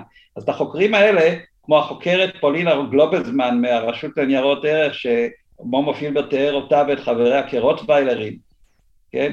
את, את החוקר אה, יריב עמיעד שנפגש עם אה, הדס קליין באדירם, אדירם. עידו, אה, אדירם, אדירם. אדירם, כן. אדירם, נפגש בחניונים של פארק רעננה עם הדס קליין לקבל חומרים. כן? את העדים האלה הם מהססים להביא והם דוחים אותם לעוד כמה שנים. כדי שלא לי... נדע איזה העוולות בוצעו בחקירה. הרשו לי לשבור דמות רגע ו- ולהגיד שאני אה, בז למערכת שעושה במשפט פלילי, בלי הקשרים ביטחוניים, אה, עושה דיונים בדלתיים סגורות. אני בז למערכת שעושה כזה דבר, שמטילה צווי איסור פרסום בגלל אינטרסים אישיים כאלה או אחרים. אני, כמובן שעל פרטיות צריך לשמור, אבל יש דברים ש, שזה ברור שהאינטרס הוא של המערכת ולא של אדם. ויש, צריך ממש במשורה להגיד, אוקיי, משהו שמסכן את ביטחון המדינה. וזה לא תחום למשטרה, זה דברים לשב"כ או מוסד, כן? אז שם לשים דלתיים סגורות, שם לשים אה, אה, אולי צווי איסור פרסום, זה אני, אני לא יודע איך לפקח על כזה דבר, אבל אני זורם עם זה. אבל לשים במשפט פלילי, להגיד משהו בדלתיים סגורות כי לא נעים לנו, המערכת, אני בז למערכת שעושה כזה דבר. אה, וכל הדברים שהיו פה בדלתיים סגורות במשפט הזה, הם פשוט אה, שווים כתב אישום משל עצמם אה, על המערכת, חוץ מעל החוקרים שעשו דברים כאלה. עכשיו אם עדי תוכל לתאר לך, למה השגגות הן לא ממש שגגות? אז זהו, אני אדבר על זה קצת. קודם כל... אז רגע, עדי, תני לי להרים, תני לי רגע להסביר לך שוב, כי מושיק אמר פה משהו. על, על זה שעדים ראשיים, עדים, עדים עיקריים וכולי. נכון. אז, אז סבבה, אני אזרום עם מושיק. המערכת לא רק שהייתה שגגה, המערכת הגישה כתב אישום שהוא שגוי. נגיד שנתניהו זכאי. אתם חובבי תיאוריית קונספירציה, אוקיי? ואתם אומרים שהייתה פה הפיכה שלטונית. סלחו לי, אתם, אתם נפלתם, uh, זה, הפיכה שלטונית. אין לכם דוגמה, אין לכם שום דוגמה... רגע, אין לכם שום דוגמה לתפירת תיק בכלל בהיסטוריה, ומה, מול ראש ממשלה יעשו את זה? מה קורה לכם? אז נגיד שהוא זכאי, נגיד שאני קונה את מה שאתם אומרים, התיק קרס על הכיפאק, איך הגעתם לתפירת תיק והפיכה שלטונית? אז עברה שנה פלוס מתחילת המשפט, ומעט עדים יחסית, אבל כמו שמושיק אמר, אלה, לטענת התביעה הם עדי מפתח, הם עדים מרכזיים, אוקיי? אנחנו כבר הגענו, אני, אני חושבת שהגענו כבר למסה קריטית של עדויות והפרחה של סעיפים בכתב האישום, שאנחנו כבר יכולים להתחיל להסיק מסקנות, ואני אסביר למה.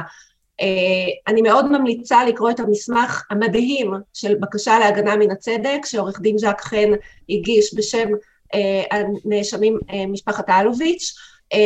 בקרוב אנחנו נקבל עוד מסמך מעורך דין בן צור בשם נתניהו. Uh, המסמך הזה הוא, הוא מטלטל ומצמרר, צריך להגיד, לא בטוח. שבקרוב, סליחה, סליחה, סליחה שאני קוטע אותך, אבל לא צריך להגיד כן, שלא בטוח שבקרוב. מה שקרה, אני רק נותן כאילו זה, וסליחה שוב עדי שקטעתי אותך, כן, כן. אה, עורכי הדין של אלוביץ' הגישו בקשה להגנה מן הצדק, שזה בגדול... אה, בהסבר לא משפט, משפטי, זה בגדול להגיד, יש פה הליך שאינו הוגן, אינו צודק, ולכן צריך אני לא יודע אם זה לבטל את האישום או להוציא אותו זכאי, אני לא, לא סגור על מה טכנית קורה, אבל זו... זו... סליחה? לבטל לדעתי. לבטל את האישום, אוקיי. אז uh, תדייקו אותנו המאזינים, אבל בגדול להגיד, לא צריך בכלל לא, כאילו ל, ל, להגן על מול הטיעונים, יש פה הליך ש, שהוא מזוהם והליך שהוא אינו צודק, ולכן על בסיס זה בכלל, בלי קשר לעדויות כאן או כאן, אה, על בסיס זה לבטל את כתב האישום או להוציא את הנאשם זכאי. אז זה פרקליטי אלוביץ' עשו. ופרקליטי נתניהו יש להם גם כוונה לעשות כזה דבר, אבל הם כן. מתכוונים לעשות את זה רק אחרי שיהיו שני עדים מסוימים שיעידו שהם כן, חוקרי נכון. אה, שלמה פילבר, ואחרי ההודעה הזאת, אני חושב שזה היה אחרי, תדייקו אותי, אחרי שפרקליטי נתניהו אמרו, שימו לב, אנחנו גם הולכים להגיש כזה דבר, אבל אחרי העדות של שני החבר'ה האלה, אה, אז המאשימה, הפרקליטות, החליטה להחליף את סדר העדים, ובעצם אותם שני עדים שפרקליטי אה, נתניהו מחכים להם, נדחו למועד פלוס לא יודע, פלוס הרבה זמן. למה? כי הם אה, מערבבים שם את העדים כדי שההליך יימשך. ושוב, תזה, אבל אני לא יודע כמה בקרוב זה יהיה, כי יכול להיות שזה יהיה עוד uh, חודשיים, עוד חצי שנה, אולי עוד שנתיים, כי יש לנו זמן למשפט. ו... גם, אם, גם אם אנחנו, גם אם נדבר אך ורק על המסמך שהגיש עורך דין ז'ק חן וה, ו, ומשרדו. זה באמת מסמך שחייבים לקרוא אותו. עכשיו, מכיוון שהוא ארוך, הוא 222 עמודים, אנחנו, שאלת על הפרויקטים שלנו, אז, אז זה עוד פרויקט שאנחנו מתחילים ממש השבוע אה, לקחת אותו ו... ו אה, ממנו, להנגיש אותו בצורה של, אה, אנחנו נראה או פוסטים או סרטונים קצרים כדי ש, שהציבור יכיר את החומר. אה, רוב הדברים אנחנו מכירים, אנחנו כבר... רק תיקון קטן לשחר, זה לא, לא, ביקש, לא ביקשו שני עדים, אני מצטט לך מההודעה שלהם, קודם לדיון ולהכרעת בקשה להגנה מן הצדק, יש להקדים ולשמוע חוקרים רלוונטיים. לא מצוין. אוקיי, לא, לאו דווקא שניים אתה אומר, אוקיי. כן. תודה לך. רוב, ה, רוב הדברים ש, שמצויים במסמך זה דברים שאנחנו כבר מכירים, כתבנו עליהם, דיברנו עליהם, צעקנו עליהם, אבל לקרוא את זה ככה מרוכז, באמת, את, אתה לא יכול להישאר אדיש ואתה לא יכול להמשיך לטעון אה, ש, שאין פה איזושהי כוונת מכוון. זה, זה, זה בלתי סביר, במבחן הסבירות זה בלתי סביר. אה, אז אני אגיד לך, אה, הם מציינים שם מושגים כמו ראיית מנהרה, או להיטות יתר, להגיע לתוצאות מסוימות בחקירות. ואנחנו יודעים מהעדויות אה, של, של ניר חפץ ושל פילבר אה, על, על עינויים שהם לא רק לא מוסריים או פסולים, הם באמת כבר ברמה הפלילית. לענות אדם, להרעיב אותו ולמנוע שינה ולמנוע תרופות, ואנחנו עוד נדע בהמשך מה, מה ההשלכות הבריאותיות על, על מר אלוביץ', שהוא, שהוא אומר שהוא נזקק אחרי זה לטיפול רפואי, פגעו לו בבריאות. אה, ומדובר באנשים נורמטיביים, באמת, הם לא פצצות מתקתקות, זה לא טרוריסטים, אוקיי? אה, אנחנו שמענו ביטויים כמו תן לנו את, את הראש של נתניהו, או תביא לנו חומר על נתניהו. אה, זה, אתה לא יכול ביבי. להתעלם מהביטויים האלה. כן. ביבי. ביבי, כן, כן. לא, לא יגידו נתניהו. לא, אני אומר, אה, תגיד שזה ביבי, גם היה, אגב, לא, לא תומלל בטקסט, אלא רק שומעים, אבל בסדר, זה שגגה. אני, אני פשוט אזכיר כמה דברים, כן, הסתרת מסמכים בלי סוף, מההתחלה עד היום, אנחנו כל הזמן שוב ושוב אה, חווים שההגנה טוענת שלא הגיעו אליהם חומרי חקירה, ואז הפרקליטות אומרת אנחנו נבדוק ואנחנו נראה, ולפעמים מביאים משהו ולפעמים לא, וזה עם השחרות והסתרות. אנחנו זוכרים שבחקירה של אה, שלמה פילבר, יש שם חורים שחורים. לפני, לפני שהוא חתם על, הסדר, על הסכם עד מדינה, יש יומיים של עם חורים שחורים בחקירות, שפשוט במקרה הפסקת חשמל או הפסקת תקשורת, או היו כמה גרסאות למה קרה שם ולכן זה לא תועד. אה, אנחנו נתקלנו בהמון סעיפים שקריים, דיברנו בהתחלה על, על 315 סעיפים שרובם רובם שקריים, ממש שקריים, אבל יש עוד סעיפים, סעיף, אם אני לא טועה, סעיף 61, אה, הפיטורים של אה, ברגר, נכון? מושיק, תתקן אותי. הסעיף 61 זה על הפיטורים של ברגר?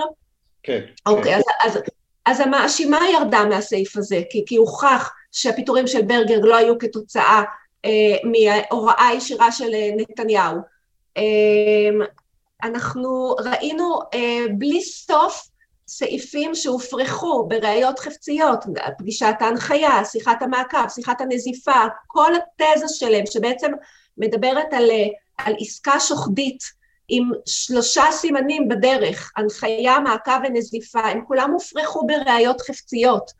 אה, כל כך הרבה כשלים ושגגות, אני סיפרתי למושיק אתמול, דיברנו קצת על הנושא ואמרתי לו שיש לי איזו אסוציאציה אז אני אספר לך. בפסיכולוגיה יש אה, אפקט, אפקט פסיכולוגי תפיסתי שקוראים לו אפקט קן הנמלים. אדם הולך אה, בחצר ורואה נמלה ואז הוא מתמקד בה, ופתאום הוא רואה לידה עוד אחת, ואז הוא רואה שיש מסביב עוד עשר, ועוד מאה, ועוד אלף, ופתאום הוא שם לב שהוא עומד מעל קן נמלים, אוקיי? אז אנחנו עוברים איזשהו תהליך כזה, אנחנו רואים עוד נמלה ועוד נמלה ועוד נמלה, והיום אנחנו בתוך, אנחנו חיים ונושמים את, ה, את המשפט הזה, ואנחנו מכירים כל כך הרבה אה, סעיפים ושגגות והסתרות ועינויי דין, אה, ושיבושים של הליכי משפט, לא דיברנו על זה, על, על, על, אה, על עכשן של הדס קליין בבית המשפט. אנחנו רואים כל כך הרבה דברים שאנחנו כבר רואים, לא, אנחנו לא יכולים להתעלם מקן הנמלים. אנחנו מבינים שיש פה משהו מערכתי. אתם יכולים לקרוא לנו קונספירטיביים, אבל אנחנו לא יכולים, לא יכולים לעצום שוב עיניים. ברגע שנפתחות העיניים אי אפשר לעצום אותם יותר. אה, אני רוצה להוסיף את המניע. אה, כי זה באמת, אתה העלית את זה, למה שאלשיך ומנדלבליט שמונו על ידי נתניהו ילכו נגדו כיפות סרוגות. כן, כיפות סרוגות. הם לא אנשי שמאל או משהו. אז קודם כל, אה, אני אצטט לך מתוך המסמך של הטענות המקדמיות, כן, זה לא אנחנו המצאנו את זה, מסמך שהוגש עוד אה, בסוף 2020, בסוף 2020, כן. אה, אתם מכירים את הסיפור של חוקרי המשטרה שהיו בטוחים שנתניהו אה, עוקב אחריהם כדי להפליל אותם בעבירות של הטרדה מינית, כולל מי שעמד אז בראש להב 433. ציטוט: במצב עניינים זה היו מצויים אותם חוקרי משטרה בכירים המתווים את מדיניות החקירה בעניינו של ראש הממשלה בניגוד עניינים מובנה. מחד גיסא הם היו אמורים לחקור את החשדות בעניינו של המבקש ללא פניות ובאופן נטול שיקולים אישיים. כך פשיטא. מאידך גיסא אותם חוקרים בכירים שמעו והיו מצויים בתודעה כי הם נרדפים על ידי גורמים רבי כוח הקשורים במבקש. ברור כי במצב זה לא יכול חוקר המשטרה מקצועי ככל שיהיה להמשיך ולנהל חקירה בעניינו של המבקש באופן אובייקטיבי. על חוקר המשטרה, בכיר ככל שיהיה, שהגורם הממונה עליו טוען כי הוא נרדף, להימנע מלעסוק בענייני חקירת המבקש נוכח ניגוד העניינים המובנה שיצר לו אחר ממפכ"ל המשטרה ברעיון המפורסם שלו. כן? וזה היה הלך הרוח בתוך להב 433. עכשיו, יש לי מאמר שהולך להתפרסם במידה שבדיוק בא לענות לשאלה הזאת שאלת שחר. מה באמת, ה... איך אפשר להסביר את זה שכל החוקרים וכולי, אנשים שנתניהו מינה. יש פה שלושה מעגלים, שוב פעם. המעגל הראשון זה המעגל שכל חוקר רוצה להצליח, והצלחה מבחינתו זה יהיה לשכנע את הממונים עליו להגיש כתב אישום. זה לא קשור לנתניהו, זה קשור לעובדה שכשאתה מקבל משימה, אתה לא רוצה לבוא עכשיו למפקד ולהגיד בעצם הבן אדם זכאי. ככל שתגיד שהוא אשם והצלחת להוכיח את זה, אמצעים כלשהם, טובים, רעים, אתה מרגיש שהצלחת. הדבר השני הוא קשור ליחס לנבחרי ציבור במדינת ישראל.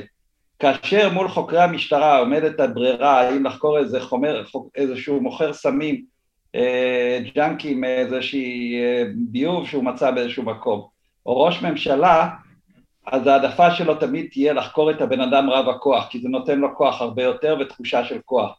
זה לא דווקא נתניהו, כל נבחר ציבור. אנחנו יודעים על תמליל החקירה של אה, מי שהיום אחראי על הכשרת סגל הפיקוד הבכיר של המשטרה, ניצב כורש ברנור, שבשעתו היה ראש יח"א, שהוא יושב בחקירה מול נתניהו, הוא אומר לו, אדוני, יש לך ארנק בכיס? סליחה? what the fuck is עניינך? מה זה הדבר הזה? אז הבחור הזה חזר כנראה הביתה מלא תחושת שיכרון כוח.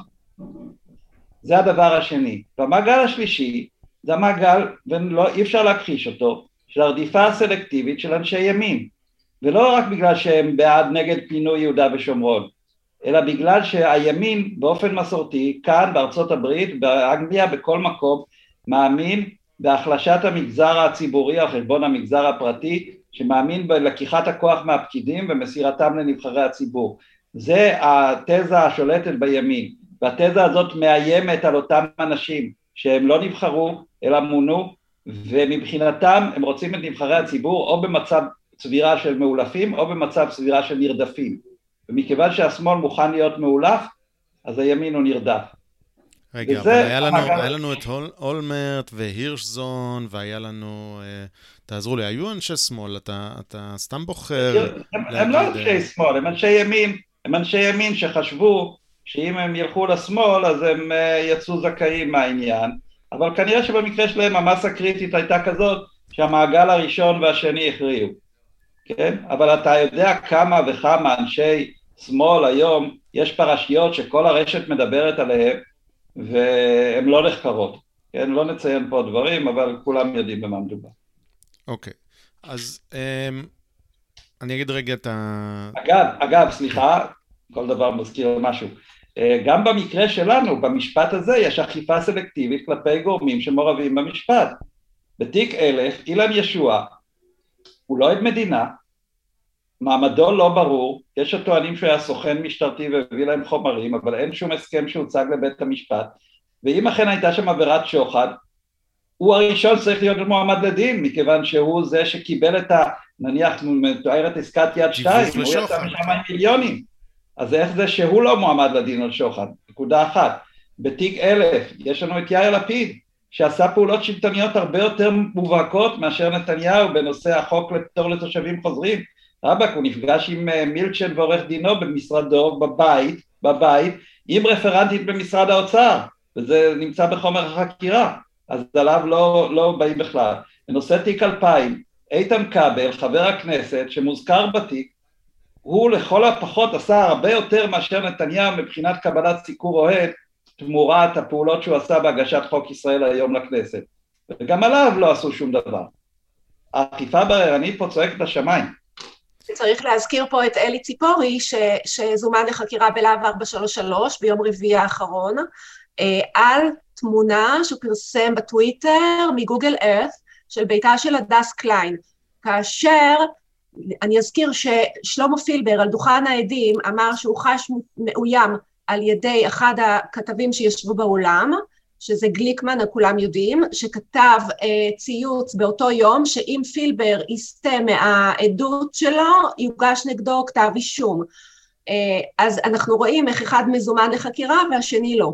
אוקיי, אז, אז רק אני, אני אתן פרטים.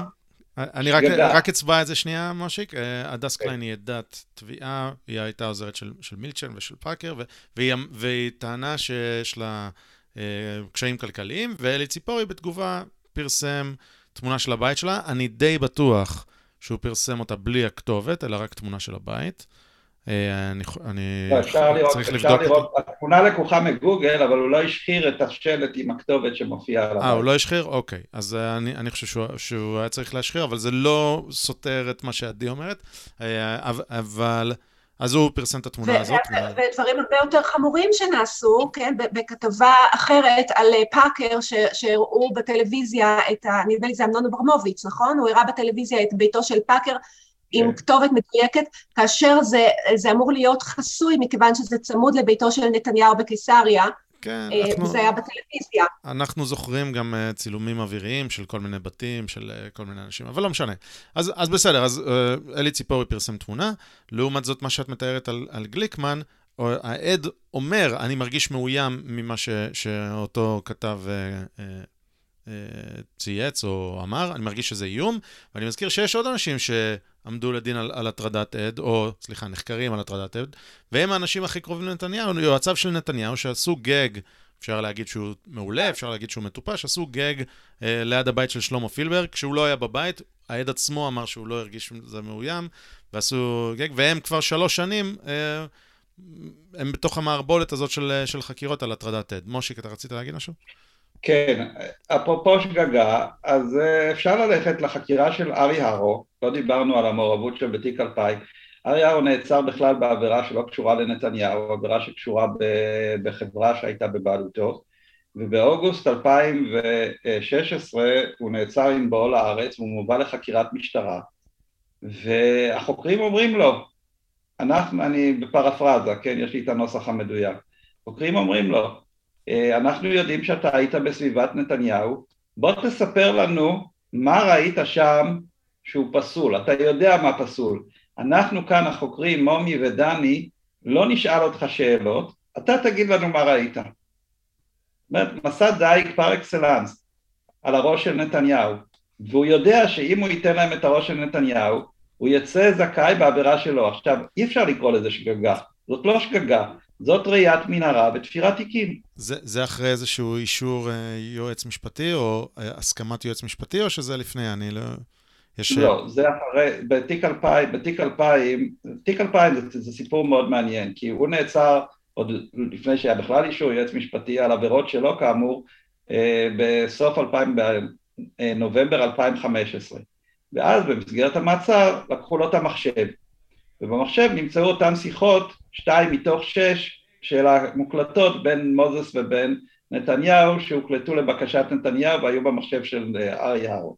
עכשיו הם לא יכלו להשתמש בזה כי זה כאילו אין אישור יועץ משפטי אז באיזשהו שלב בחודש מרץ אה, את זה באיזשהו אופן ואז פתאום התגלו השיחות האלה משהו קשור בעורך דינו אבישי גרינסאי כתב את זה בגלובס בכל אופן הוא היה בחו"ל באותה תקופה היה להם כבר את החומרים האלה, הוציאו אישור יועץ משפטי, באוגוסט עצרו אותו, וניסו להביא ממנו עוד הרבה חומר חוץ מההקלטות האלה. תיק 2000 זה, זה בדיחה אחת גדולה. אוקיי, okay, אז שמעו, אמ, אומרים שלא צריך לייחס למאלס, אוקיי, או לכוונת זדון, מה שאפשר להסביר על ידי טיפשות או רשלנות. באנגלית יש, הביטוי הוא יותר שגור ויותר טוב, אבל אבל אה, אולי כל זה טיפשות או רשלנות, ואתם פה מתארים כוונת זדון. אבל אני רוצה רק להגיד שבלי לצלול לפרטים, כי אתם אמרתם פה די הרבה פרטים, אם יש פה טיפשות או רשלנות, אז צריך להיות איזשהו פיזור של הטיפשות והרשלנות לכיוון אחד, לכיוון אחר, צריך להיות פה משהו אה, רנדומלי מסוים. וברגע שכל הטיפשות והרשלנות היא לכיוון אחד, ואפשר לראות את כיוון הסיבים, אה, אז אני מצטער, כבר אי אפשר להסביר את זה בטיפשות או רשלנות, ולכן יש הסבר אחר. זה הטיעון שלי בגדול, ואפשר, אני יכול להמשיך את, את מה שאתם אמרתם בעשר דקות האחרונות, אפשר להמשיך את זה עוד כשעה 45, אבל, אבל אנחנו נעצור את זה כאן כרגע. אבל, אה, מושיק, אתה אמרת משהו על המוטיבציה, ואני חושב שזה יהיה הנושא האחרון שלנו כאן. וזה. אה, ופה זה יהיה הרבה יותר פרשנותי והרבה יותר uh, דעות ופחות אולי uh, עובדות. יש איזשהו ויכוח בין uh, דוקטור גדי טאוב לבין דוקטור אבישי בן חיים על ניידים נייחים לעומת ישראל השנייה, ישראל הראשונה וזה. התיאוריה שלו קצת יותר מדויקת, אולי בכלל אנשים יטענו שהתיאוריות האלה הן מופרכות בכללן, כאילו בכללותן. אבל אני לא כל כך מבין את הוויכוח הזה. מדוע? כי אני חושב שהן לא סותרות בכלל. אני חושב שהתיאוריה של אה, גדי טאוב, שמדברת על ניידים ונייחים, היא מתארת לאשורו את המצב הכללי, הגלובלי, את, את המעמד שהוא גלובליסטי. אה, אגב, עוד, עוד איזושהי אנקדוטה שאני חייב להגיד ש... ראיתי את נדב אייל והספר שלו והכל, שאני אודה פה שלא קראתי את הספר, אבל ההבדל בין גלובליזציה לבין גלובליזם, בין, בין אה, ש, שוק גלובלי לבין אה, תפיסת עולם גלובליסטית של אה, שלטון עולמי, של קומביה, זה, זה, זה הבדל מהותי, אבל לא, לא ניכנס לחור הארנב הזה. אבל באופן כללי, גדי טאו מדבר על הניידים לעומת הנייחים, ושזה קו העימות לצורך העניין. ואני חושב שהתיאוריה של אבישי בן חיים, שאפשר להתווכח על פרטים בה וזה, אני חושב ש... ש...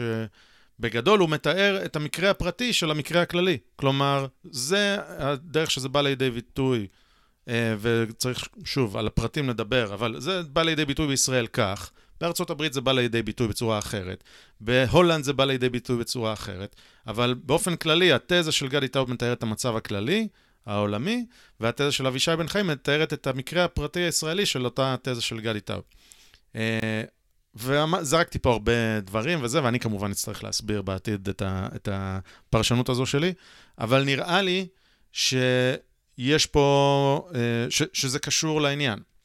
נראה, ו, ואולי אפשר לחבר פה, אם תרצו, את ארצות הברית, אה, כי אני יודע שמושיק עוסק בזה הרבה, עדי, אני לא יודע כמה את אה, מעורבת שם, אבל יש פה בעצם את המעמד הנייד הזה, שהוא...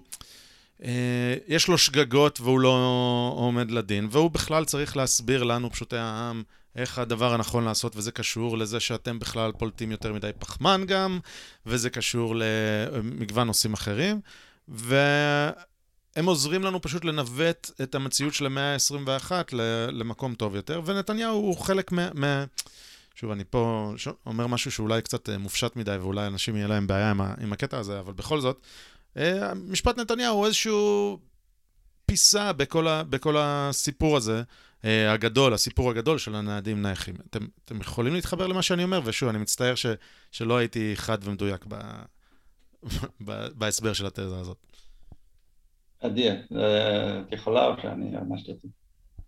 אני, אני יכולה להתחבר למה שאתה אומר, וכן, ו, ולמצוא קשר. אני, אני חושבת, נתניהו מייצג את השכבה הלאומית, אם תרצה, ישראל השנייה, אה, את הימין, ואם אנחנו מדברים על הפיכה שלטונית, אז, אז באמצעים משפטיים ותקשורתיים, זאת הדרך לנצח, באמצעות ספירת התיקים. אני, אני חושב שהנעדים ונייחים זה כאילו קצת אה, נשמע מופשט מדי, וספציפית זה יוצא אה, לאומיים, אנשים שיש, ש, שאכפת להם קודם מהלאום, לעומת אלה שאכפת להם מגאיה, אה, או שאכפת להם מה, מהקהילה הבינלאומית לפני הלאום שלהם. משהו כזה, ו, ושוב, גם אכפת להם, זה, זה מונח שאנשים יאתגרו אותי עליו, אבל לאומיים אל מול uh, גלובליסטים. אני חושב שקודם אה, כל זה, זה ניסיון מאוד יפה לקשור את הכל ביחד, אבל אני חושב שהמקרה שלנו הוא קצת ייחודי, אה, כי באמת, אם נחזור לשורש העניין, זאת אה, מערכת משפטית ורשויות אכיפה שאיבדו כל, כל איזון וכל בלם. ואני לא יודע אם הם יותר ניידים ממני, תאמין לי, אני הייתי בארצות הברית וטיילתי בעולם בנסיעות עבודה ופגשתי אנשי עסקים, לא פחות מהרבה מאוד אנשים בפרקליטות. זה לא העניין. זה, זה העניין שבאמת אה, נות... אנחנו רוצים דמוקרטיה, ודמוקרטיה מבוססת על איזון בין הרשויות. מאשימים אותנו בכך שאנחנו רוצים להרוס את מערכת שלטון החוק, ממש לא. אנחנו רוצים לתקן את מערכת שלטון החוק ולהחזיר את האיזון שכל כך נדרש. כאשר בראש הפירמידה הזאת של שלוש הרשויות חייבת לעמוד הכנסת, כי היא באמת מייצגת את הריבון, את הריבון שהוא העם, וליד הכנסת יש את הממשלה שהיא הזרוע הביצועית, ויש את הרשות השופטת שצריכה לעבוד על פי החוקים שהכנסת קבעה, ולא להמציא חוקים בכל מיני נבחנים שרירותיים של סבירות ושלושת אה, נימוקי המידתיות שההיבט השלישי הוא יותר סבירות מאשר מידתיות והגאונות של אהרון ברק, גאונות להרע, כן, אבל הגאונות של אהרון ברק זה שהוא קבע מבחנים שאי אפשר להפריך אותם. אה, אין דרך נורמטיבית להפריך אותם, ובכך הוא למעשה אה, יוצר לעצמו מצב שהוא קובע את, אה, את עקרונות השיטה ואין חולקים, אי אפשר לחלוק. חלקת על עקרונות השיטה שקבעו אהרון ברק ויורשיו, פגעת בדמוקרטיה ולא היא, להפך, אנחנו בניסיון להציל את הדמוקרטיה. עכשיו, משפט נתניהו הצטייר כאיום. אחרי בחירות 2015, כאשר בניגוד לכל הסיכויים, הימין עלה לשלטון, כל האורות האדומים נדלקו בסלאח א-דין, ובמטה משטרת ישראל. אה, היה אז הכוונה למנות, אתה זוכר, את אה, מפכ"ל חיצוני למשטרת ישראל, ואנחנו יודעים שכבר אז התחילה פעולת הסייבר הקיצונית במשטרת ישראל, ומסמכים כמו משחק, מסמך יצחקי שאנשים דיברו עליהם, והיה חשש שהנה הולכים לנקות את כל הדבר הזה ולא לתת לזה לקרות. ומול זה כל המערכת התגייסה בשיתוף פעולה הדוק של התקשורת, ואנחנו רואים איך אה, אנשי תקשורת, בין אם זה גידי וייץ ובין אם זה בן כספי, עבדו מלא מלא בשירות המשטרה, למעשה אפשר להגיד שהרשויות האכיפה עבדו מלא מלא בשבילהם, הם למעשה תפקדו כזרוע חקירה של התקשורת. וכך לאט לאט התחילו הדברים להתגלגל, הם ניסו להכניס את נתניהו לקוראלס, אבל במידה רבה הם נכנסו לקוראלס גם של עצמם. הם כמו שחקן פוקר, שהוא יושב ליד השולחן, הקופה כבר מלאה, וכרגע אם הם יעשו פולד, אז הם יאבדו את כל הקופה. ולכן הם מעלים את הסכומים כל הזמן, כל הזמן, וההבדל, הפאנצ'ר היחידי, ופה אולי זה סגירת מעגל, זה שקמו אנשים כמונו, שחושפים את הדבר הזה לפני המוני אנשים, ואני רוצה להגיד לך, זה אולי נורא חשוב, התגובות המרגשות שאנחנו מקבלים מאנשים, אני לא מדבר רק ברשת, אה, שחר, עוצרים אותי אנשים ברחוב, גם את עדי, אנשים באים אלינו כן. עם דמעות בעיניים, בן אדם של איזה 150 קילו ניגש אליי, תופס אותי, ועם דמעות בעיניים אומר לי, הצלתם את עם ישראל. זה, זה כן. מרגש ברמות, ואני חייב גם לציין את העבודה שכנרת עושה, עם האולפן הפתוח, זה כמובן מה שנותן את החשיפה לכל הדברים. עשרות אלפי אנשים רואים בשידורים שלה כל יום. אנשים אומרים שהם התמכרו, התמכרו לזה, הם שומעים את זה בעבודה, בהסתר, עם אוזנייה, בלי שאנשים יודעים. אז יש פה תהליך שהם לא צפו אותו. כן, אני. אה, אז כן, אני, אני גם אה, מצטרפת, אנחנו מקבלים תגובות בכתב, באופן פרטי, ציבורי, גם עוצרים אותי ברחוב, ו, ו, ותגובה מאוד שכיחה זה, אתם החזרתם לנו את התקווה. אנחנו, אנחנו יודעים ש, שיש מי ששומר, יש מי שמסקר, אנחנו לא לבד, אנחנו, כי, כי החוויה הזאת שאנחנו נחטפנו, השכבה השיפוטית-פקידותית חטפה את העם, אה, הם, הם מותר להם הכל, אין להם חוק, הם ממציאים חוקים חדשים כל הזמן. אני אזכיר לכם, דרך אגב, שלא דיברנו על זה שהתביעה ביקשה לתקן את כתב האישום במהלך המשפט. אה, זאת אומרת, באמת אין גבולות. ו- והסיקור הוא כל כך מוטה, הוא, הוא גם חלקי, הוא גם מגמתי, הסיקור של המיינסטרים, כן? ואנחנו באנו ובאמת אה, עשינו משהו שונה. אה, אנחנו מביאים את הדברים כהווייתם, אנחנו מביאים עובדות. יש לנו את הפרשנויות שלנו, כמו ששמעת כאן, אבל, אבל אנחנו נורא בודקים את עצמנו, אנחנו נצמדים לפרוטוקולים, אנחנו נצמדים לראיות שה, שמוצגות בבית המשפט אה, ולסעיפים בכתב האישום, אנחנו לא ממציאים שום דבר, אנחנו גם מאוד מאוד מקפידים על זה ש, שלא יתפסו אותנו על פסיק, כי, כי זה נורא חשוב לאמינות שלנו. אה, אם, אם אתה מרשה לי להגיד משהו על התקשורת, אני פשוט, שוב, אני, אני לא באה מהעולם הזה, לא של משפטים ולא של תקשורת, ונכנסתי, קפצתי ראש למים העמוקים. אני יושבת באולם בית המשפט, ואני רואה דברים שאני פשוט יושבת בפה פעור. לפעמים אני יוצאת אה, בדמעות כשאני רואה את המקרינים סרטונים, וזה באמת מזעזע שלא, שלא משדרים את זה, לא מקרינים את זה לכל עם ישראל, כי אנשים צריכים לדעת מה קורה פה במרתפים של להב 433.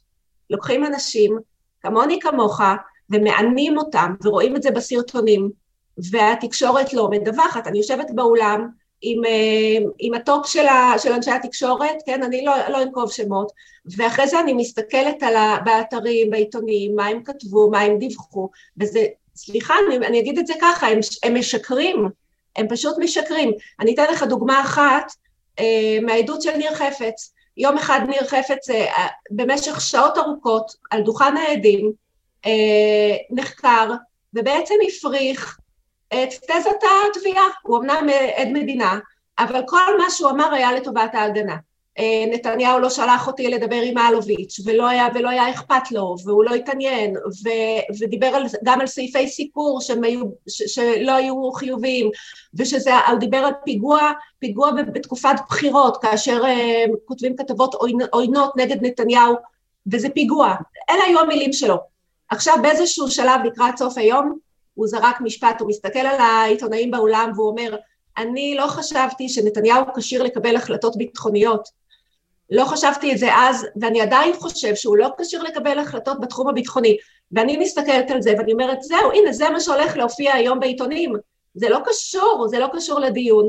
זה לא, הוא לא נשאל על זה, אין לו שום סמכות לדבר על זה כי הוא לא פסיכיאטר, הוא לא ישב מעולם בקבינט הביטחוני. מי הוא שהוא יגיד כזה דבר? אבל זה היה, זאת הייתה העצם שהוא זרק לכלבים. וזה מה שהופיע אחרי זה בעיתונים.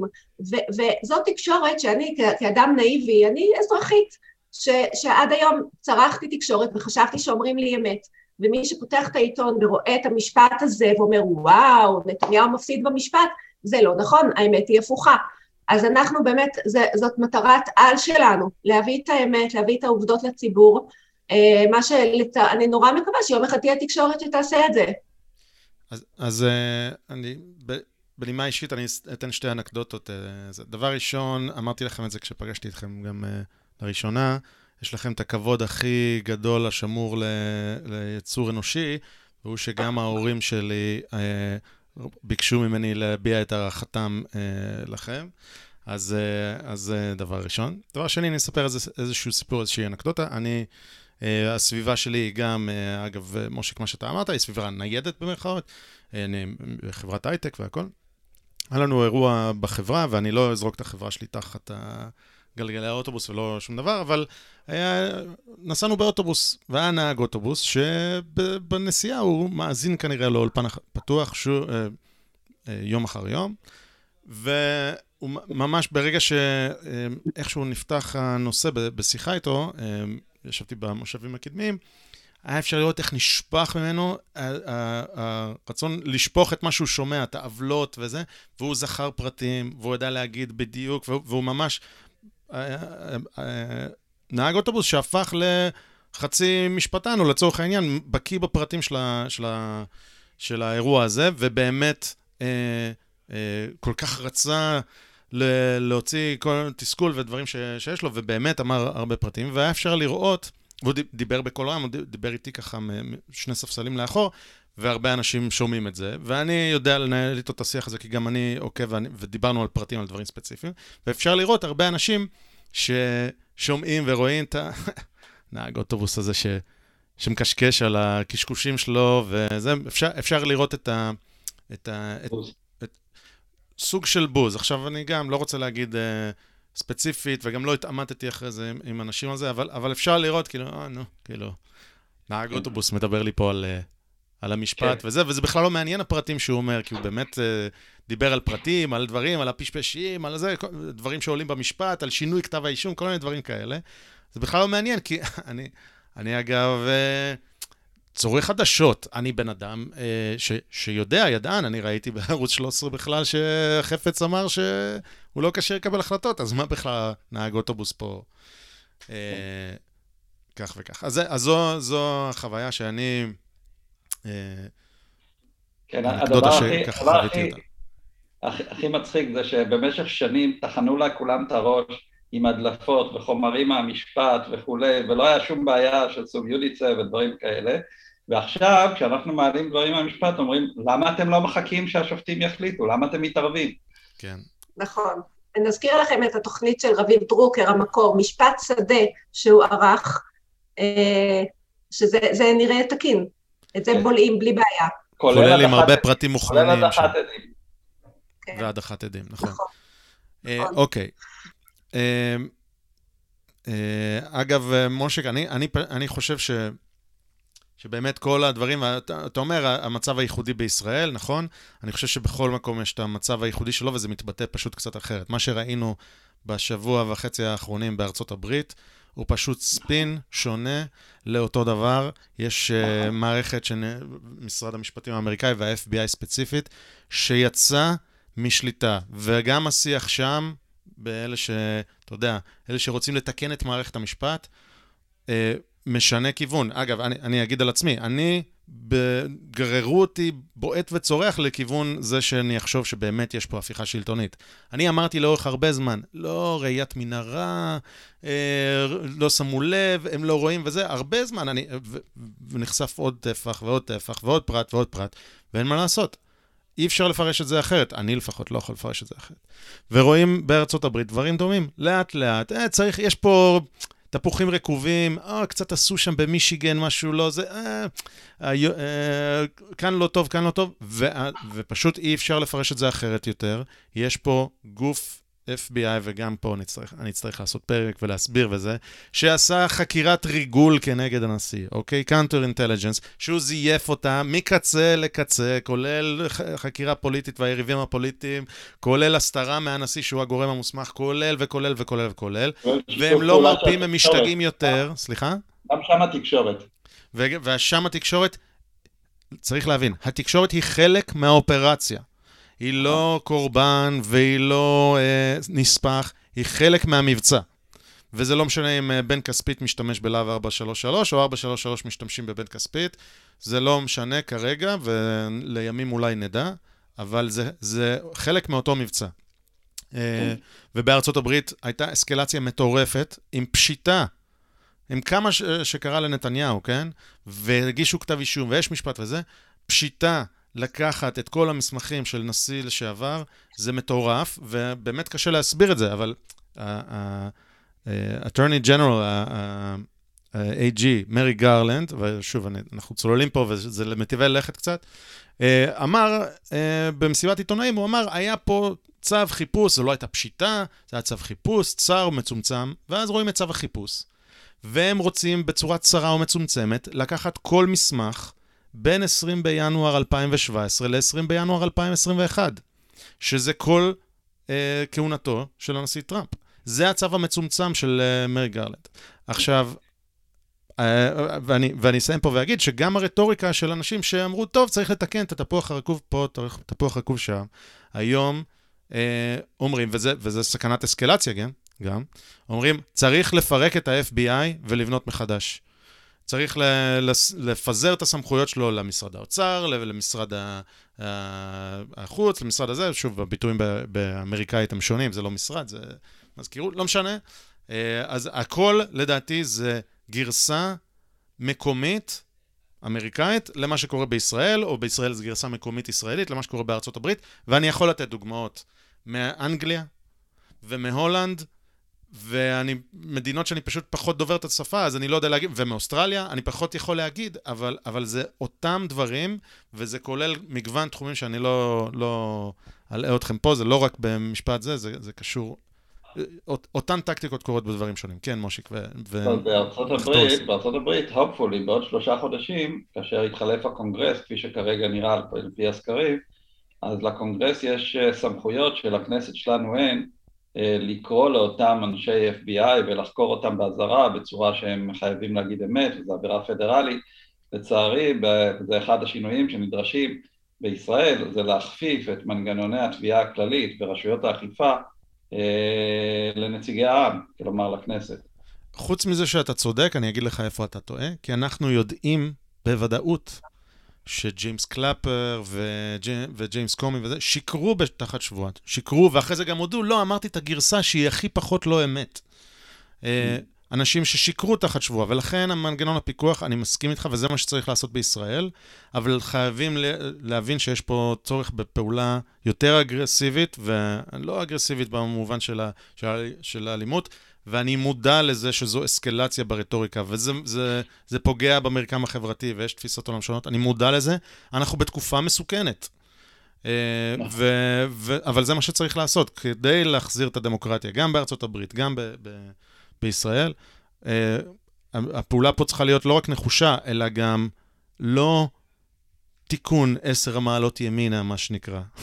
יש פה צורך בתפיסת ההגה. זה, כן. זה הרנט שלי, תרעומת שלי.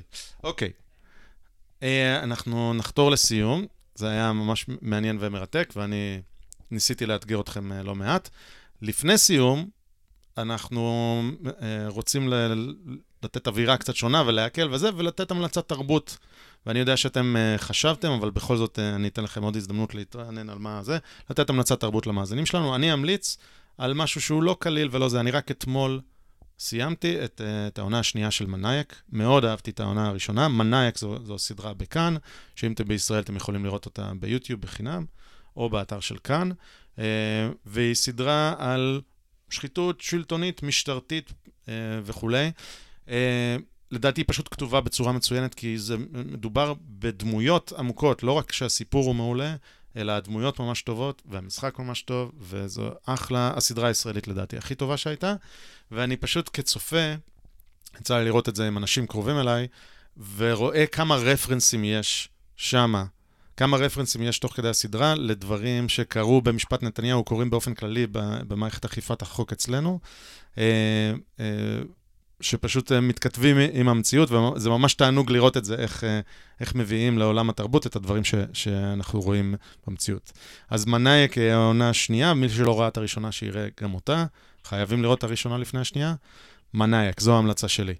אה, מושיק עדי, אני רואה שיש לנו בעיות אינטרנט, אבל אם אתם שומעים אותי, יש לכם המלצה? שומעים, שומעים. אוקיי. זה אני. טוב, אני די פריק של מוזיקה. אה, מוזיקה מכל הסוגים והמינים, אה, בין היתר אחת החברות שהקמתי זו חברה שמיועדת לעזור לאנשים אה, את ההזדמנות, לקבל הזדמנות שנייה לנגן בפסנתר בצורה מאוד מאוד קלה ופשוטה, לא בעזרת תווים, אלא בעזרת תחליף. החברה קוראים פיאנו אספנטו, אני אשלח לך גם כן לינק, תוכל לשים אותו. עכשיו, תוך כדי, במסגרת זה, סתם שבוע, כבר 48 שבועות ברצף, לא פספסתי שבוע אחד, פוסט מוזיקלי, שבו אני מדבר על איזשהו סגנון מוזיקלי או על איזשהו אה, אה, להקה, או מחזמר מסוים, או כולל דברים קלאסיים, כל הסוגים. זה אני מוציא בכמה רשתות שלי. אה, והפוסט הראשון נכתב על סגנון המוזיקה שאולי אני, אי אפשר להגיד אוהב אותו הכי הרבה, כי אני אוהב הרבה, אבל אחד, אחד האהובים אה, זה סגנון הבוסה ושהוא, מי שלא יודע, הוא נוצר בסוף שנות החמישים בברזיל. בוסה נובה, למקרה שהיה שם מקוטע, זה בוסה נובה, כן. בוסה נובה, והוא נוצר בברזיל. כתבתי על זה פוסט מאוד נחמד. כל מי שהיו הכוכבים זה היה קרלוס אנטוניו ז'ובים ומיניסיוס דה מורט שכתב את המילים ופורסם. בכל אופן, ההצעה שלי היום זה הלהקה בשם נובה, שאפשר למצוא ביוטיוב, אה, להקה אמריקאית של אה, שלושה נגנים וזמרת, אה, שהם לפני, בשנתיים, דוש, כל שירי הבוסה נובה המפורסמים, יש להם פלייליסטים ביוטיוב, שזה פשוט, אני יודע, זה כואב להגיד את זה, אבל זה הרבה יותר טוב מהמקור. זאת אומרת, הם הרבה יותר באים לשמוע את זה אפילו מהמקור, אפילו משהו ג'ילברטו, אני אומר, והזמרת הידועה, הזמרת בלהקה הזאת, שהיא בכלל לא ברת בית, היא ספרדית, הפורטוגזית שלה נשמעת אה, מאוד מאוד יפה ומתגלגלת, אבל זאת לא שפת האם שלה. אה, בכל אופן, ממליץ מאוד להקת נובה, תעשו ביוטיוב, נשלח לי, תשים אחר כך. מעולה, אחלה, נובה. כן, עדי. אני אתן המלצה ספרותית. יש סופרת אהובה עליי מאוד, סופרת אמריקאית בשם ג'אנט וואלאס. וואלאס. וואלאס. אה, קראתי שלושה ספרים שלה, לדעתי הם השלושה היחידים שתורגמו לעברית. אה, טירת הזכוכית, כוכב הכסף וסטי בר. אה, היא כותבת נפלא. הייתה לכם אותה או ש... לא.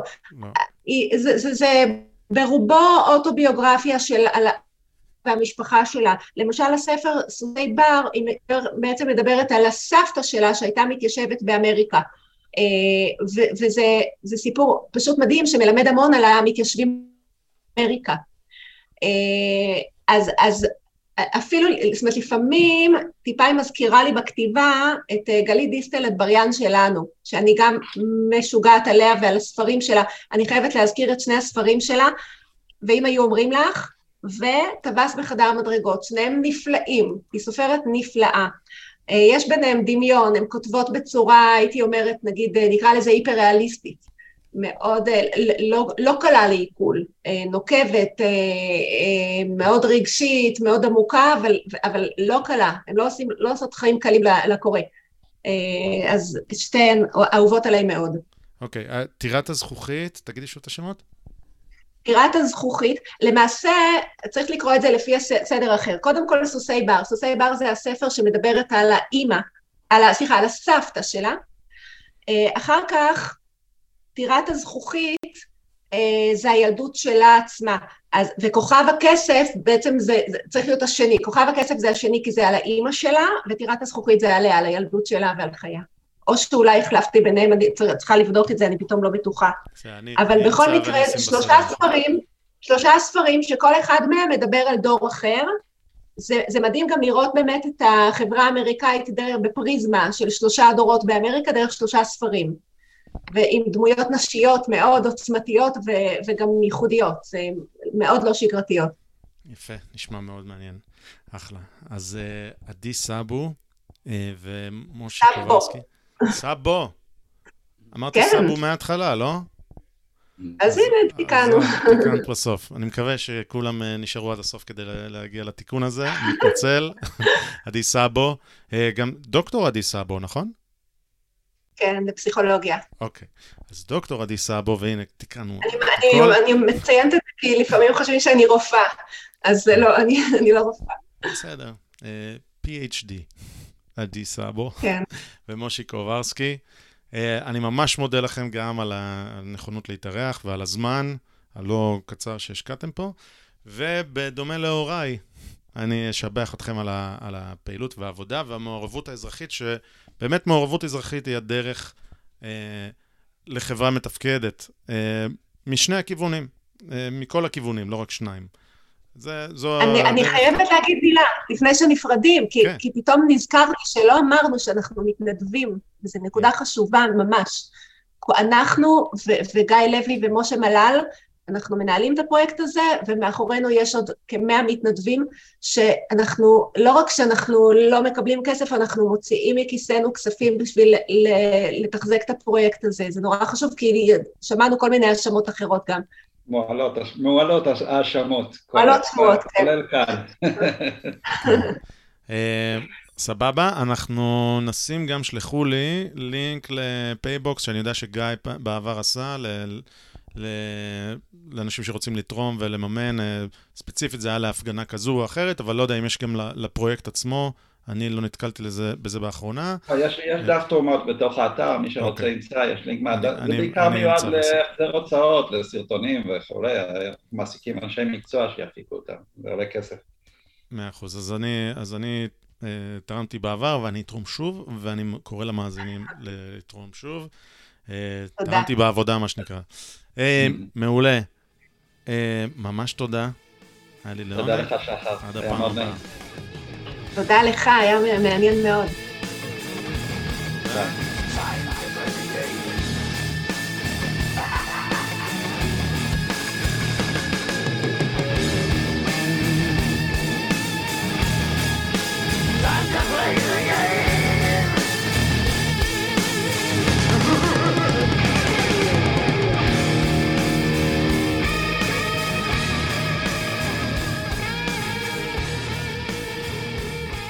אם אהבתם את מה ששמעתם, אתם מוזמנים לעקוב אחרינו ולהצטרף לערוץ הטלגרם שלנו. אתם יכולים לעקוב אחרינו בטוויטר, לשלוח לנו מיילים, לכתוב לנו תגובות באתר, ולשתף עם כל החברים שלכם שאתם חושבים שהתעניינו בזה. כל תגובה שלכם, הערה, פידבק, הצעה לאורחים, מיילים זוהמים, מה שתרצו, רק עוזר לנו להשתפר ולתת לכם מוצר יותר טוב. תודה שהאזנתם, עד הפעם הבאה, להתראות.